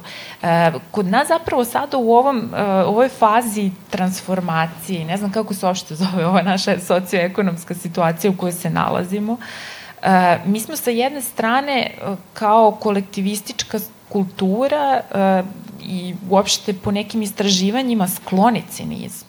Mi smo skloni tome da razmišljamo da ništa nema smisla, da nekako smo negativni, mislim, ne, nemam, izvinjavam se, nemam drugu reč. Kuknjeva? Pa, da, da volimo malo više da se da, da kukamo, da se žalimo. Sa druge strane imamo upravo te strane kompanije koje nude jedan sasvim novi identitet. I taj sudar je verovatno vrlo interesantan. Možda čovek s polja kaže ja sam zapravo, ne znam, psiholog i radim u toj i toj kompaniji, a unutra je pitanje šta je ono što on ili ona vide kao važno ja se bojim da nekako mi imamo i dalje neke kulturne vrednosti u kojima e, nije kao u protestantskim kulturama biti dobar radnik je najvažnija stvar, nego su najvažnije stvari još neke stvari koje često pojedinca pritiskaju. A s polja je jedan taj uh, uopšteni odgovor, ja, ja radim u toj, toj kompaniji, tako i tako sam pozicioner. Mislim da iz tog konflikta zapravo uh, nastaje ozbiljan problem. Ja bih samo dodala jednu stvar, a to je da ono što posmatramo kao trend jeste u stvari vraćanje čoveku kao biću, ne zaposlenom kao, kao funkciji koju, koju ima u društvu i da to jednostavno se vraćamo se tome. Mislim nekako mislim da da to jeste da to jeste ovaj i otudi to da to nije tako mi danas ne bi imali ovo kao temu. Um, Tako da, da, mislim da, da, da, da, se, to, da, se, to pre, da se to prepoznaje. Tako da, da, samo to kao... Jel, ja bih vas zamolio na kome, za komentar o, o kuknjevi. To je vrlo zanimljiv fenomen. Mislim da je opet i nekako kod nas e, rasprostranjen u različitim oblastima. A, a da li je onda, a, kad ti dođeš na posao, uvek imate ono na poslu kolegu ili koleginicu koja kuka. E, I to je sad onako je li to neki način pražnjenja tog, tog nezadovoljstva? Možemo da posmatramo i kao nekakav nekakvu autoterapiju, mislim. Ja mislim da to verovatno u čestoj potreba za pažnjom, prepoznavanjem i ono vidi me, teško mi je. E sad, mislim, kukaš, ne kukaš. E, mislim da, mislim mi... da ima i toga. Da, ne, ja mislim da mi često preuzimamo tu ove, ulogu žrtve, rekla bih, u tom ove, trouglu, ali um, bih rekla još, um, još jednu stvar, a to je da E, da, ima ljudi koji idu, ajme meni majko mila, je tako, ne, da, a sigurno sam da i ovde isto sede ljudi koji mi ovo pričamo, oni kažu, ka, ne znate vi kako je kod nas, je li tako? Sad ćemo da čujemo, da. Ili, ili, kažu, ili kažu, da, da, da, to može, ali negde na drugom mestu to kod nas ne radi. Mislim da je isto strašno važno i negde e, tražiti mesto za popravku ranije u sistemu, u nekom školstvu i nekom radu sa decom gde kada čujete i dobijete neku ideju i razmislite, čekaj, čekaj, šta ja mogu da uradim da ovo radi? Šta ja mogu da uzmem odavde, a to je nešto što mi trenutno nemamo. Mi trenutno imamo jedan, jedan mindset koji zaista funkcioniše po principu zašto ovo ne bi moglo i ovaj, i, i da, zašto, zašto, ovo ne, zašto ovo kod mene, zašto ovo kod mene ne radi i ne razumeš ti mene. Uh, tako da verujem... Da, kad smo kod te kuknjeve koja je zanimljiv fenomen, a opet i nekako je vezana za burnout, ja sam tu prepoznao dve vrste kuknjeve, onako koje, ne, to nije nikakvo istraživanje, to je čisto kvalitativno, mislim onako kao opažanje fenomenološki ovaj, pogled, a to je imati kuknjevu koju stvarno nije loše da vam se neko iskuka, prosto njemu lakše ili njoj lakše, to je sve super, ali postoji ta blokirajuća kuknjava, e, to je kao sa strahom ili tremom. Blokirajuća kuknjava vam ne dozvoljava da bilo šta uradite da biste promenili situaciju, jer to onda kao ništa u startu nema smisla i ništa nema i ne može da se primeni i ne može to kod nas. Tako da tu sad treba prepoznati u zdravu i patološku kuknjavu. Ovaj. Ja, ona patološka prilično prazni, onako da. energetska. E, ja moram da kažem, isto, opet vraćajući se na socioekonomske probleme, mi imamo sva prava da mnogo kukamo. Mi smo u prilično nezgodnom položaju, naši zaposleni i organizacije i društvo kao cel, u, u celini. Opet, sa druge strane, da se vratimo pa, patološka kuknjava. Ja se bojim da nekako uh, u jednu toj generalno negativnoj atmosferi mladi uh, ne koriste dovoljno prilike koje im se pružaju kakvim takvim okolnostima. E, ima interesantna stvar, ja radim sa studentima i e, vrlo često kada, a inače pričamo im o pisanju CV-a i kako to sve treba da izgleda i kad im kažemo pa potrebno je dobro da se informišete o organizaciji u koju aplicirate zapravo, oni se uvek iznenadi. Kažu pa zašto ili ko da to ima veze. Dakle, sad, tu je ta prilika, e, da, loše, apsolutno je loše. Sad, e, pitanje je, sad da ne kažem šta ja kao pojedinac mogu da uradim, nego e, šta ja mogu da uradim da sebe zaštitim od tog lošeg. A to je jedna, jedna dobra stvar je zapravo informisanje. E, šta nas čeka na poslu, je tako? Pa, upravo tako. E, pošto smo stigli do kuknjeve, red je da damo uh, reči vama, dakle, mislim da smo stigli do trenutka kada bih volao da se i vi uključite u ovaj naš razgovor, dakle, da, slobodno kukajte, da li imate neki lični primer, burnouta, da li, da li je neko sagoreo i kako je uspeo da se izbori s tim problemom. Mislim da imamo neki mikrofon, tako da samo podignite ruku ako neko želi da uh, reč, odmah ćete ovaj, dobiti imamo tamo, da. Izvolite. Dobro veče, hvala svima. Dobro veče. A, baš vezano za ovu temu kuknjave, ako imamo nekoga u svom timu a, koji ima Kako da napravimo razliku da li neko ima mentalitet žrtve i kuka radi priznanja koliko njemu teško, a kada zapravo doživljava burnout? Koja je negde granica između ta dva? Aha. Hvala. Za mene nije stvar gledanje da li neko kuka ili ne, nego promene u ponašanju. Da li je to tako bilo i ranije, tako, ili je, pa je sad vremenom smo došli do toga, ili je to jednostavno od uvek je neko, od uvek je neko takav. Znači, posmatrala, tražila bih te promene u ponašanju radije nego neke paterne koji su već tu ustaljeni, tu su i bez meni, sa mnom i bez tima. Da, mogući i pad koncentracije, to je onoga čini mi se prva žrtva e, i burnout. Fokusa. A, znači ono prostoriju mora češće ti ide za kusiranje na problem.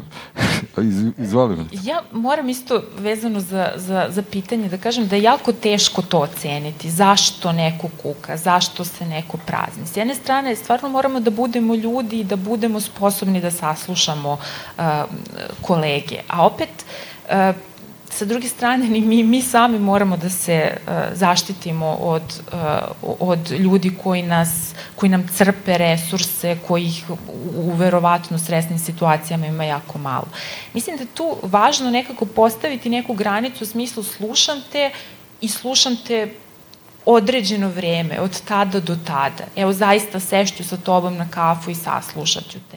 E, mislim da, e, ja sam primetila često da ljudi, ljudi koji se ventiliraju, zapravo se oni ventiliraju na taj način i da kukaju prosto zato što ne dobiju realnu pažnju i priliku da porazgovaraju sa nekim. Divan izraz za kuknjevu. Ventiliranje.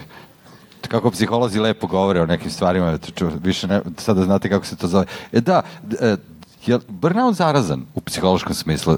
E to sam htio da vas pitam, ovaj, da li, je li to ono ko boginje na poslu, znači kad, kad jedan onako ili jedna crkne, pa onda se to proširi kao zaraza koliko gripu, ono, po firmi? E, mi imamo zapravo neurone koji nam služe da uh, nekako dobijemo informaciju o tome kako se pojedinac osjeća. I zato zapravo jeste zarazan nekako postoji tendencija da se ponašanje pojedinca usklađuje sa ponašanjem grupe, a isto i tako i emocije. E, dešava se često da ljudi ne moraju da progovore, a da nekako prenesu neko negativno iskustvo e, jedni na drugi. I, e, zarazan je i zarazan je na vrlo, ne samo eksplicitan način, nego na, na implicitan. Ne, moramo, ne mora neko da nam se žali non stop, i da, i da mi to vidimo, ali na neki implicitan način takođe postoji ta vrsta psihološke zaraz.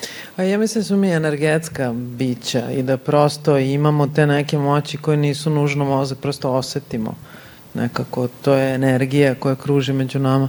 I zapravo ono što je najveći meni uvek bio izazov kod tih ljudi koji kukaju daj da napravimo, daj da ga pokrenem daj da više, daj da mu dam nešto što mu prija, negde gde se on osjeća dobro, tako da mislim da u radu sa ljudima je u stvari jako važno, a time se relativno malo bavimo, ko radi s kim, kako ih stavljamo u timove. Vi imate tri genijalca koje stavite zajedno proizvodje nula, jer su prosto individualci. A, a, a, onda ljudi imaju tendenciju da dovede ljude koji su slični njima. Ako ja imam neki, meni treba neko ko ima nešto što, što ja nemam. Tako da, mislim, ta dobra energija i pričamo, ja kažem uvek kako s kim sarađuje, to je stvar neke hemije. I, I puno je tu toga kad radite s ljudima na tom nekom osjećaju i u stvari je ta želja da se otvoriš i vidiš i ako hoćeš onda, onda i možeš i onda i osetiš razliku da li taj kuka da bi kukao i izbegao poslove, jer je kukanje super modeli za izbegavanje da se bilo šta uradi ili je u burnoutu pa kuka. Mada ja mislim da ljudi u burnoutu ne kukaju toliko, oni prosto gube samopouzdanje i nekako se trude da budu što više nevidljivi. Aha. To je, znači samo da me niko ne vidi, jer ako me vidi stradaću, pošto ja i ovako više ne isporučujem to što, što treba. Znači dok ima ventiliranja, to je skuknjave još i dobro. Dobro. E, imamo još jedno pitanje. Komentar. Izvolite. Ja se čujem? Da. Da, da. Dobro veče. Ovaj, moje pitanje je možda iz drugog ugla u odnosu na prethodno. Ovaj, zanima me u situaciji u kojoj imamo nekog sebi bliskog i definitivno uočavamo da doživljava sagorevanje, taj neko toga nije svesan, a želite da mu pomognete, kako mu na to ukazati da se taj neko ne uvredi, da ne shvati to pogrešno, a bliska vam je osoba i želite da pomognete? Hvala. Izvolim, Uf, to je dosta da. teško, da. teško pitanje. Teško je, uh, kako da kažem, pogotovo bliskim ljudima, uh, neću da kažem, ne znam kako drugačije da se izrazim, davati uh, diagnoze. Uh, ono što možete da uradite, vi ne možete, uh, kako kažem, uh, uh, um, vi treba za drugi ljude da budete tu, da budete podrška za ono što drugi ljudi traže e, nekako suočavanje sa nečim što vi vidite, a ne vidi druga osoba može biti jako problematično. E, to je nešto što možda vama liči na sagoralost, a možda i nije. E, mislim da, da za tu osobu treba da budete tu. Do onog momenta e, dokle kad ta osoba zapravo e, odluči da se otvori prema vama. Ali u stvari kod sagorelosti i jeste velika tema priznati sebi da si sagoreo i naći tu granicu kad gorim, kad ne gorim. A ovaj, ja ću vam dati ovako jedan vrlo a, a, jako je tu teško dati savet jer smo prosto svi mi različiti, ali ako imate nekog bliskog ko je blizu sagorevanja, dajte mu puno ljubavi. to je moj savet.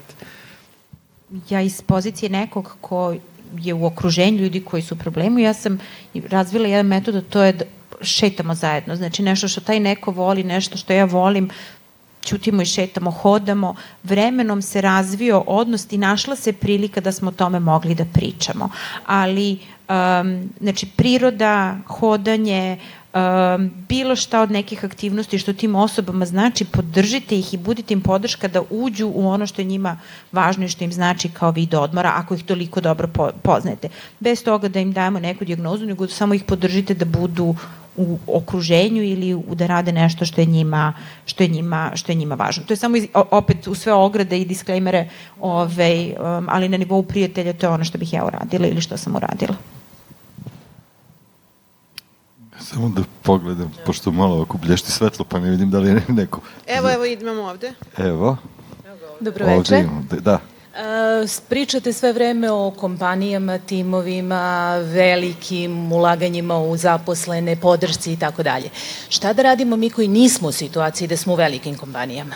I šta se dešava, recimo ja sam farmaceut, radim u maloj apoteci dve koleginice. Ja sam istovremeno i upravnik apoteke i šef smene i farmaceut i farmaceutski tehničar i spremačica i sve. I radim 12 dana, 19 dana, 27 dana, neprekidno, bez dana odmora odmor od 20 dana zakonski propisa ne može da se uzme, jer naravno nema ko da radi, ne može odjednom. E, u velikom smo problemu svi, znači nije mi problem izmestiti se u drugu apoteku, ali pouzdano znam posle 20 godina rada u struci da je isto. Nema razlike, prosto situacija je takva. Kako da se zaštitimo mi, pri čemu imamo e, našu direktorku koja je zaista jedna divna žena, ali je žena radoholik, potpuni. I ne mogu ja sad da kažem, ja ne mogu da radim šesti vikend zaredom kad ga i ona radi. Mislim, potpuna je situacija takva da se ne, ka, kako da postavim granicu. A pri tome primećujem i moji ukućeni primećuju i tako dalje, da ne da sam u burnoutu, nego sam sagorela odavno, prošle godine, verovatno. Ja molim, molim vas, možete samo da ustanete, divno vam je pitanje, sam ja sve sve nešto, aha, evo, te da gledam jedan aplauz, da. Potpuno, sestro, slatka, potpuno vas razumem.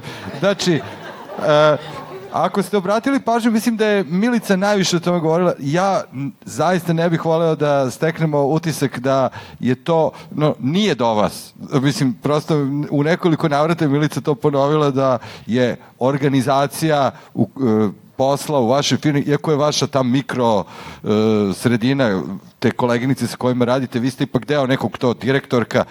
E, sad ovako, be, sad ovako molim da bez bilo kakvih, uh, kako kažem, e, učitavanja dodatnih sadržaja, pošto smo počeli sa jednim burnoutom ovaj, predsednikom, e, znate šta, ja uvek imam e, to što ste rekli za vašu direktor, koje da kažem, ja uvek imam problem sa tim direktorima koji žele da, da pokažu da će e, da, da, svojim primerom da trebate da se gorite na poslu, čak se to tako i govorilo, ma ovde mora da se izgara na poslu, to je bio onako jedan vrlo popularan izraz i radite pod pritiskom, uh, to je bio jedan period onako kako kažem u oglasima gde je čak i onako implicitno i HR to podržava kao ka, kako se ponašate dok radite pod pritiskom, e, izgarate na poslu i tako dalje, onako znanje stranih jezika i rad na računaru, ali ovaj, e, mislim da je, da je loša poruka očigledno vaše direktorke i svakog onog ko kaže da je da nema godišnjeg odmora, nema pauze,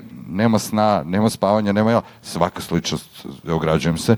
Dakle, morate, uh, da li je moguće onda, ti si rekla Milice, pro, prosto znali ste gde radite u vašem sektoru je stvarno situacija vrlo dramatična po tom pitanju, pogotovo što se radi s ljudima, ali prosto, da li je moguće definisati, sad ulazimo u oblast sindikalnih prava i onako radničkih prava koje su u ovoj zemlji prilično degradirana.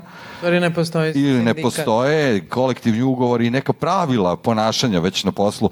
Na koji način onda, mislim, rešiti problem ako vam je direktor, u stvari, ili direktorka u konstantnom burnoutu, pa očekuju od vas prosto ovaj, da se tako ponašate? E, jako je teško dati, ja se izvinjavam što, što ovaj, nekako čini mi se da pravim neke face, a pravim zato što vas ne vidim. Čujem vas ovde, svi smo pod reflektorima, tako da e, stvarno je odlično pitanje.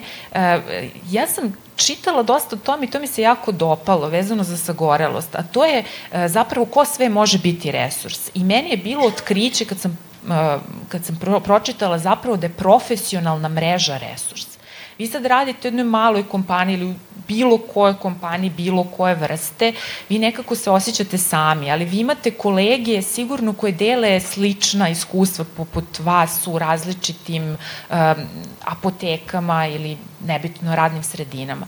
E, čovjek treba da koristi svaku priliku, odnosno zaposleni da se umrežava i da traži podršku i savete od kolega koji su u sličnim situacijama. To je jedan nepresušni izvor podrške koji mi često zaboravljamo. Nekako dođemo do tog posla, zaposlimo se i nekako zaboravimo na to da zapravo postoje kolege, da postoje ljudi sa kojima možemo da se vidimo, da podelimo iskustva i sa kojima možda možemo i da se udružimo i da napravimo nekakav pomak. Da kažemo, mi smo primetili da u našoj struci postoje ti ti problemi, hajde da se udružimo, da vidimo šta možemo da uradimo i da nekako društveno delujemo. Što se tiče suprotstavljanja direktoru, evo, ja ću vam reći svoje recepte. Dakle, ja imam prilično neobično radno vreme e, jako rano ujutru i jedan poremećen bioritam.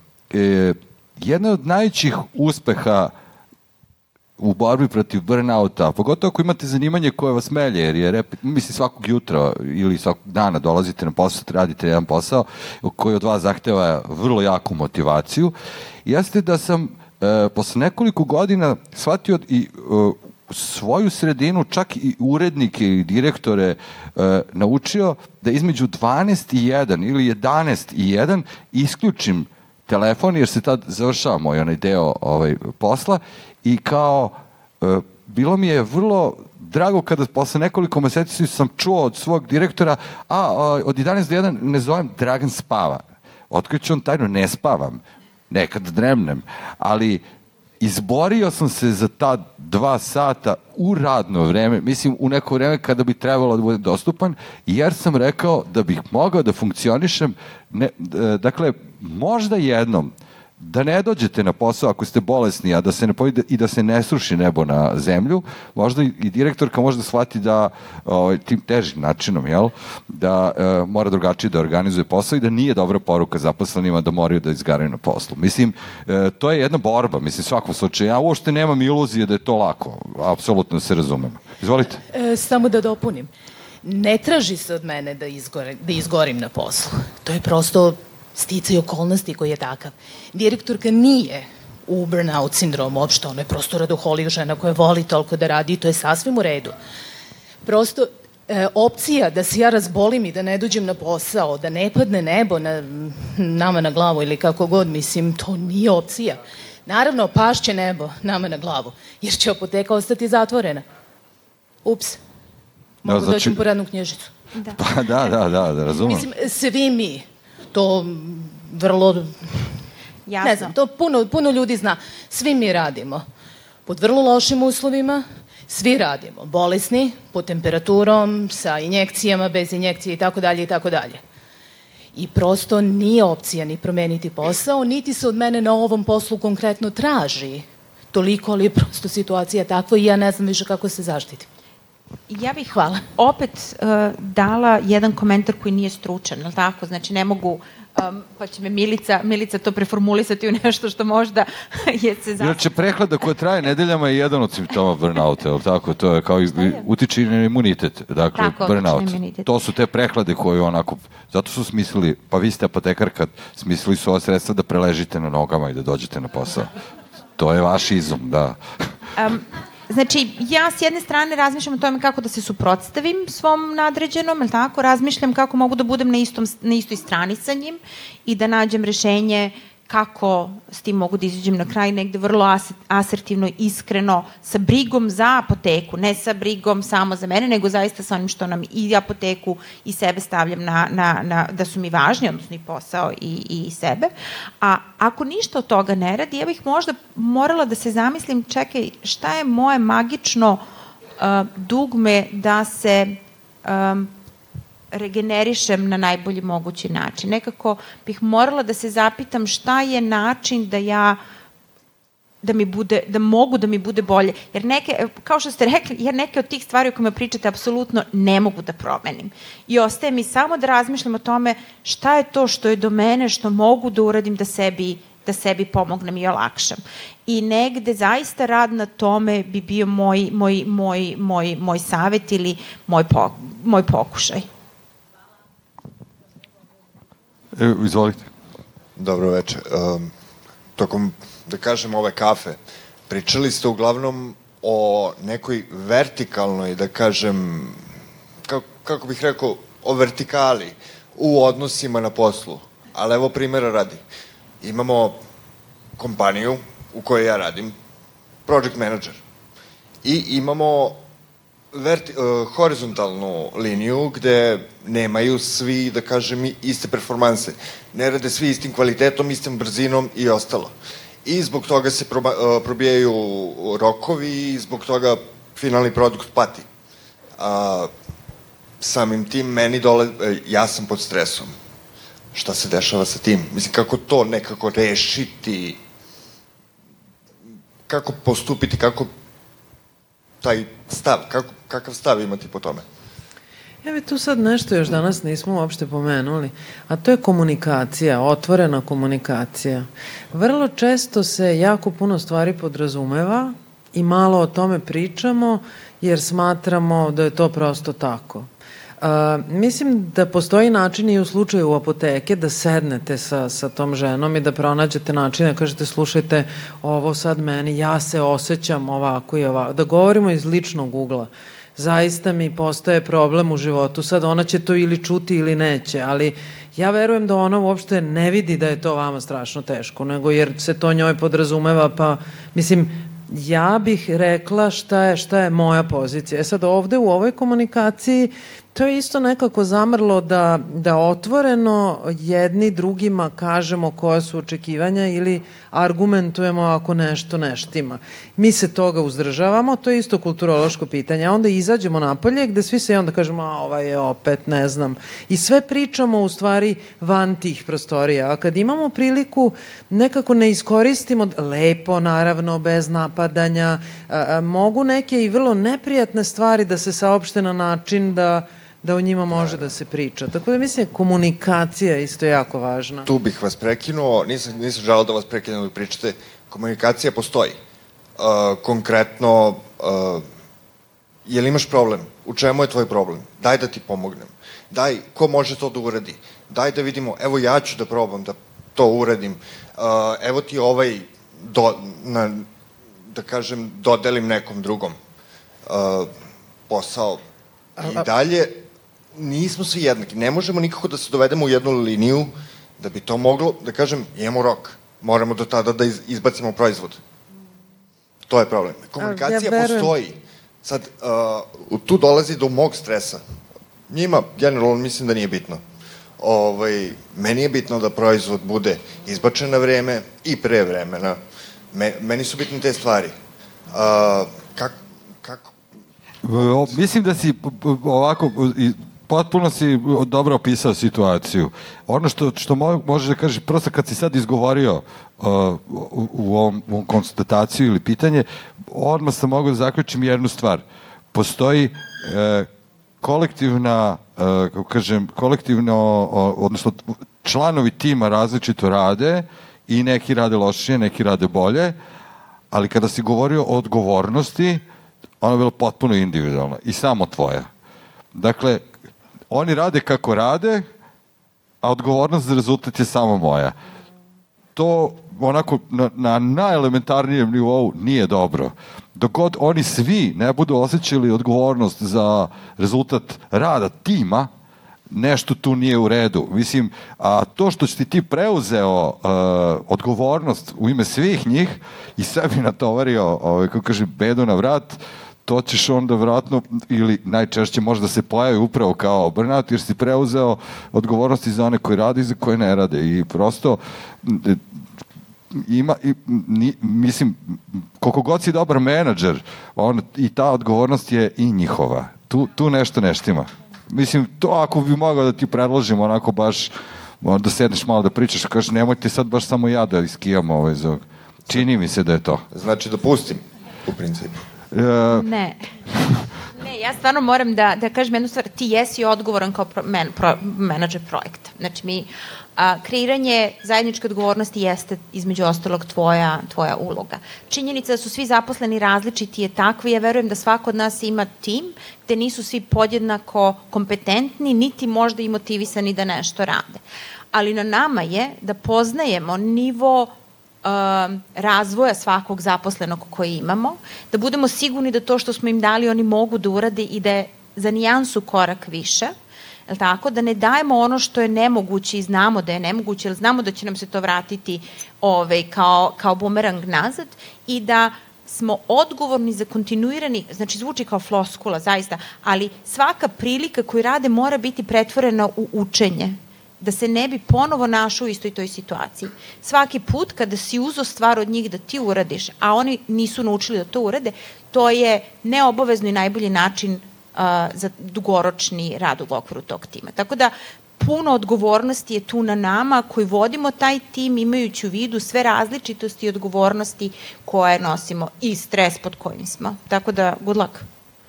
Hvala. To je ono što se u narodnom jeziku kaže pusti majstora. Kad gledaš kako se neko ovaj, petlja i ne ide, onda naši menadžeri imaju običaj da preuzmu da oni urade to umesto. I onda to ti je autoput do burnouta. Mislim, stvarno, čini mi se. Da, da. Izvolite, da. Hvala, dobro večer svima. A, radim u zdravstvu, supruga potekarke koji takođe ove, ima prilike lično da oseti na svom koži sve pritiske zdravstva u Srbiji. I moje pitanje otprilike glasi u dva pravca je postavljeno. Kada je vreme da pre pacova koji napuštaju brod napustimo brod koji tone? I drugo pitanje, kolika je naša odgovornost u tome da sebi, kolektiv u kojem radimo, ma kako da je taj kolektiv organizovan ili dezorganizovan, uglavnom je dezorganizovan u državnom zdravstvu, kada je vreme da shvatimo da smo nemoćni da promenimo situaciju, da povučemo crtu i kažemo, e, ovo je moj maksimum koji želim da uložim, preko toga zaista doživljam burnout, odnosno imam osjećanje da sam sebe preuložio i kada je vreme da kažemo je dosta je bilo, hvala vam na saradnji, doviđenja. E, kada da kažemo naše sposobnosti su tolike, ako hoćete, ja ne mogu više. Hvala.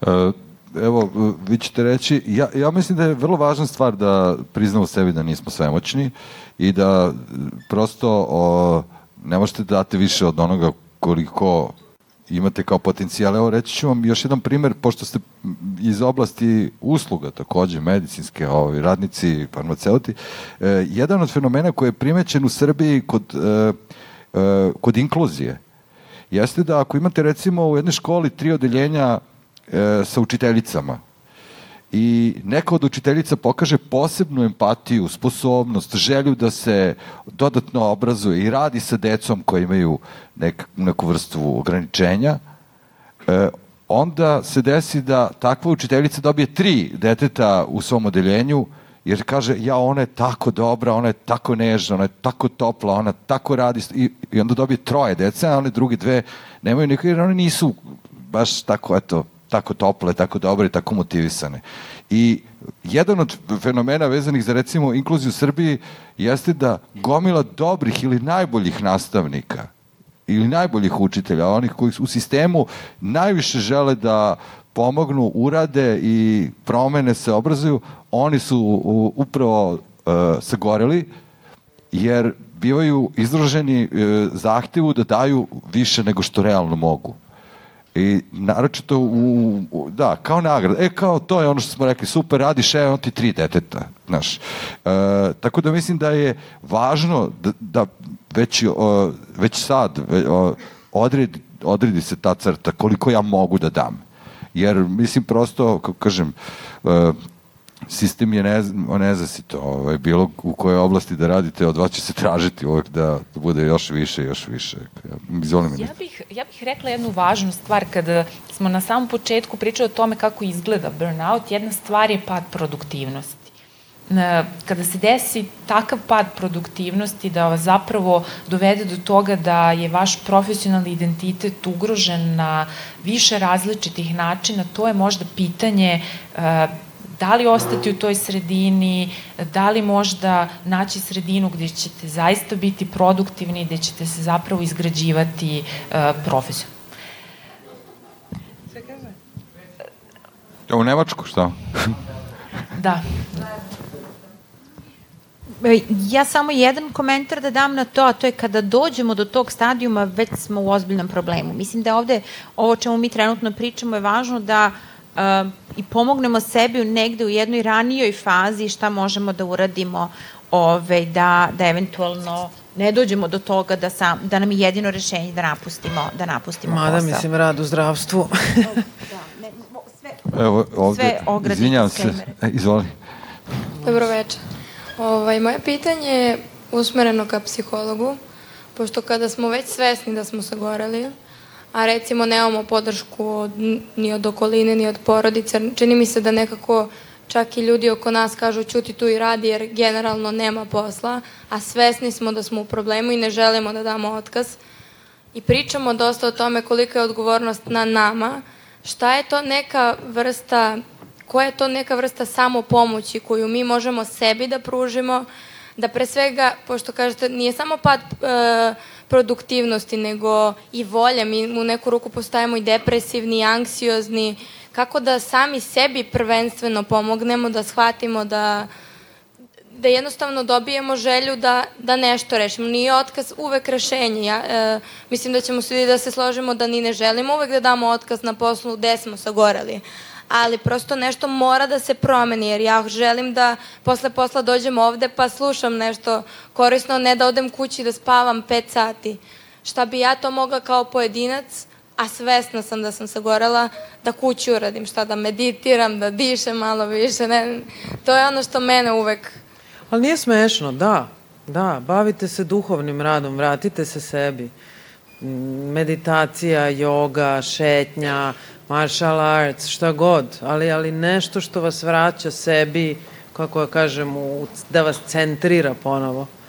Jer, mislim, sva ova pitanja su strašno teška, tu ne postoji jednoznačan odgovor. Mi sad, ta pitanja koje imate vi, imamo i svi mi. Prosto živimo u vremenima gde se meni čini da je globalno sistem vrednosti otišao od dođavola, ne samo kod nas.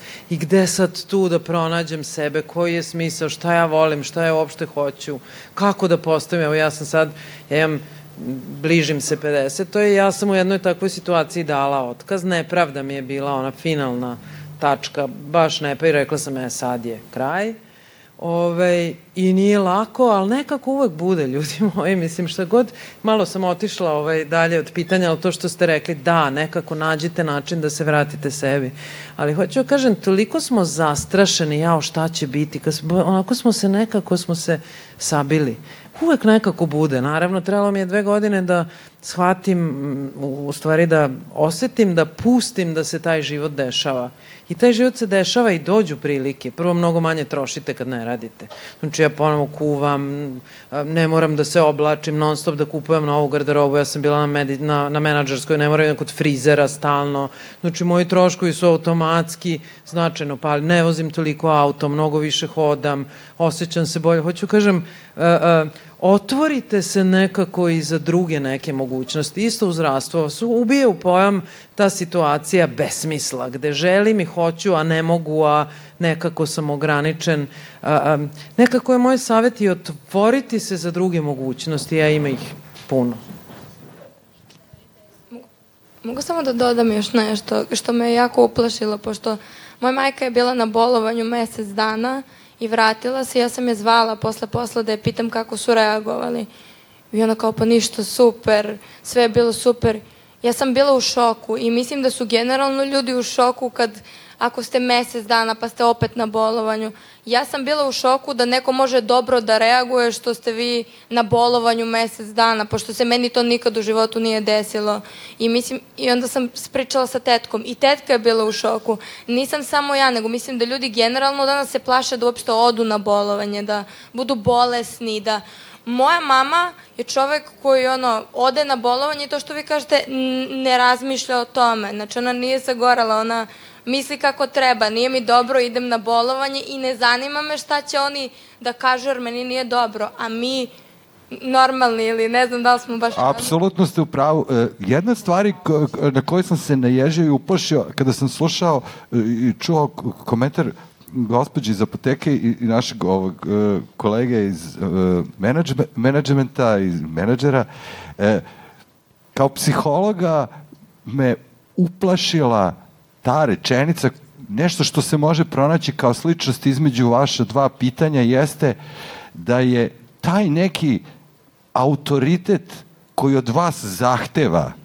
da sagorite na poslu ili bavite se poslom koji volite. I onda kažete, to je nekad što se govorilo ono, proizvodnja ne sme da trpi. To je nešto, to je to, toliko difuzni a, autoritet. To je kao kada su u onom čuvenom Milgramovom eksperimentu ljudima, ljude terali da daju nekom električni šok pa rekli, to eksperiment zahteva od vas najveća prevara savremenog e, društva što se oblasti rada tiče da, da, da nam je usađeno u glavu, naročito kod zanimanja gde zato je burnout karakteristično koje volite, gde ste spremni da vi se, date od sebe više nego što možete realno u tom trenutku, u nekim okolnostima koje takođe nisu, gde se vaš rad, rad nevredno je. To je što vi imate taj difuzni strah od toga da e, proizvod neće biti na vreme ili e, a ako malo bolje zagrebete problem u apoteci je što neće da zaposle još jednu ženu koja bi, ili, koja bi tu smanjila pritisak na ove zaposlene, zato što će bude manji profit. Vrlo je jednostavno odgovor. Znači, odgovor je još jedna koleginica i manji broj smena. A, a da li će se stvarno e, to nebo srušiti na zemlju ako taj proizvod bude kasnio dan, dva, tri ili nedelju dana, ne znam kakav proizvodni proces je u, to, u pitanju, ali to je nešto što smo svi mi e, nekako prihvatili zdravo za gotovo i to je za mene najveći fenomen savremenog procesa rada. Ja, to, ne, znam, ne samo što smo prihvatili, nego smo internalizovali, mi to osjećamo. E sad, tu je isto ta fina granica uh, gde je to sve isto tako, ali kak, nije mi unutra, nego kako ja kažem, prihvatam to kao, kao, kao, kao deo posla. Mislim, u ovom evropskom istraživanju po, pokazano je zapravo da je sagorelost dosta povezana sa centralnošću posla u nečijem životu. I uh, kada je posao centralan čoveku u životu, on nekako uh, ako se tu desi neka frustracija, onda se prosto čovek jako loše osjeća. Ali možda je to sa druge strane neka vrsta poziva da se vidi koji drugi aspekti života, iz, iz kojih stvari možemo zapravo da crpimo zadovoljstvo. To je, to je isto jako važno. Ono što je mene recimo iznenadilo kada su u pitanju te neke kulturne razlike jeste koliko ljudi u zapadnoj Evropi koriste slobodno vreme na aktivan način u smislu da se bave različitim hobijima. Onda su ti neki hobiji prosto dešava se da su oni ulazak u neku novu poslovnu ideju, u uh, otkrivanje sebe na jedan način na koji ovaj, možda niste znali. A opet, i, i to je važna stvar, ta centralnost posla je zapravo posledica loše socioekonomske situacije, nepostojanja alternativa na tržištu. E, imamo ovde još. E, dobroveče svima. Ja sam, prvo, pre nego što krenem ja, ovaj, hvala vama Dragane, hvala fondaciji, hvala svim gostima večeras na zaista sjajnim informacijama. Naravno, svi mi ovde imamo različite, ne bih rekla istine, već percepcije o burnoutu, kako ga izbeći, naša lična iskustva. Što se mene tiče, ja sam pravnik koji radi u turizmu, to možda zvuči kao CV, možda kao diagnoza, ne znam, pošto ima dosta psihologa, no prosto moj neki feedback i neka, ajde da kažem, moj komentar i posle toga i pitanje vezane za sve ovo jeste E, slažem se naravno sa tim da mi ne možemo da promenimo kompaniju, mi možemo da promenimo sebe, pa ćete s vremena na vreme i povući određen broj ljudi koji će možda i ok, nije to loše, možemo u tom pravcu uh, nastaviti. Moja zvezda vodilja kada sam postala menadžer bila je da ne budem nikada onaj menadžer za kog ja ne bih radila. I to je, mislim, nešto što, ok, ovdje ima dosta mlađih od mene, jednog dana bit ćete na nekim odgovornim pozicijama, uh, nemojte zaboraviti kako ste počeli i kako je vama bilo na početku. Kako to izgleda u mom radnom okruženju jeste da prosto ukoliko vidim da možda postoji neka slabija karika, jer svako je dobar za nešto, treba samo otkriti zašto konkretno u datom poslu, ja bih preuzimala na sebe, zašto, koliko god ja sam cool i fina s njima, to je ono, dolazite, postoji iznad svakog menadžera veći gladan vuk koji prosto imate neke brojke koje morate da ispunite. Ovaj, A onda se postavlja pitanje gde je, kada pogledate u društvu i vi ste Dragana otvorili sa idejom da li smo mi u prvobitnoj akumulaciji kapitalizma, gde je granica naših ličnih sloboda i gde je granica, ne bih rekla slobode, već samovolje poslodavca. I možda eto za neke buduće uh, debate, da ih tako nazovemo, ne bi bilo loše imati možda neka advokata ili ako je neko opšte voljan iz uh, ministarstva koje se bavi radom i socijalnom politikom da dođe ovde, jer nisam bila lenja, imate i Wi-Fi, pa bih samo da citiram zakon o radu koji kaže Puno radno vreme iznosi 40 časova nedeljno, ako ovim zakonom nije drugčije određeno. Na zahtev poslodavca zaposlen je dužan da radi duže od punog radnog vremena u slučaju više sile, iznenadnog povećanja ovima posla i u drugim slučajevima kada je neophodno da se u određenom roku završi posao koji nije planiran zapravo dosta toga zavisi i od, i od države i onda se svodi na to ko u stvari štiti radnika. Zapravo niko jer iznad svakog menadžera postoji menadžer, iznad menadžera postoje brojke, zato kažem da na kraju se ipak svodi na najbolja prevencije, najbolja u stvari zaštita je prevencija. a to je da uopšte ne dođe do mogućnosti burnouta. Jedna od vaših gošća je rekla da bih se pre odrekla e, novca nego e, e, e, slobodnog odmora. Ja sam bila lično u situaciji da nam je smanjena plata, ali nam nisu dirali godišnji odmor. I to je bio jedin razlog zašto sam ja ostala. Jer, na primjer, u kompaniji kojom se radili imali su oni te team building, te ajde zajedno slikamo, sadimo drveće, sve je to super. Ja kad završim posao neću da se vidim ja hoću moj godišnji odmor, hoću da provedem s ljudima koje ja želim. Tako da za mene lično, ovo i to je pitanje za sve vaše gošće, pošto neke skandinavske zemlje su već krenule sa tom idejom skraćenja radnog vremena, kod nas se nažalost produžava, ne zvanično. Eto, koliko bi uopšte pomoglo da nemamo burnout ukoliko bi ljudi jednostavno radili kraće. Hvala. Hvala puno ovaj, na, na, na stvarno odličnom i pitanju i konstataciji i nekako sumiranju možda svega ovoga na, na jako lep način. Kao što sam rekla, istraživanje je pokazalo da postoji negativna korelacija između količine radnog vremena i sagoralosti. Takođe ono što je e, što ste rekli što je jako važna stvar jeste to e, koje vrste podrške poslodavci kreiraju e, zaposlenima. Nekako ja se bojim da i sami poslodavci i ljudi koji rade u HR službama nekako mogu da budu lako žrtve nekih trendova hajde da imamo team building, hajde da, ne znam, osmislimo taj taj program. Ali suština priče je zapravo uh, da li sam ja saslušao ili saslušala svoje zaposlene, da li je to što ja njima pružam zapravo ono što je njima potrebno. Uh, to, to je jako važno. Pa to vam je onaj primjer, kaže, ne mogu da idem na slavu kod kuma, imam family day u firmi. Znači, neću da se družim sa onima s kojima bi se družio jer imam tamo obavezu. Nego da mi ne bi ovaj, doživjeli i večeras burnout Mi smo televizijskim jezikom rečeno probili termin. Mnogo vam hvala što ste bili večera sa nama. Još jednom se zahvaljujem ljudima iz Hemafarm fondacije i Dorčel placa. I vidimo se za, što bi rekli u Čačku, mesečak dana. Imaćemo ponovo kafu sa psihologom, pa svratite slobodno. Hvala vam. Hvala, Dragane.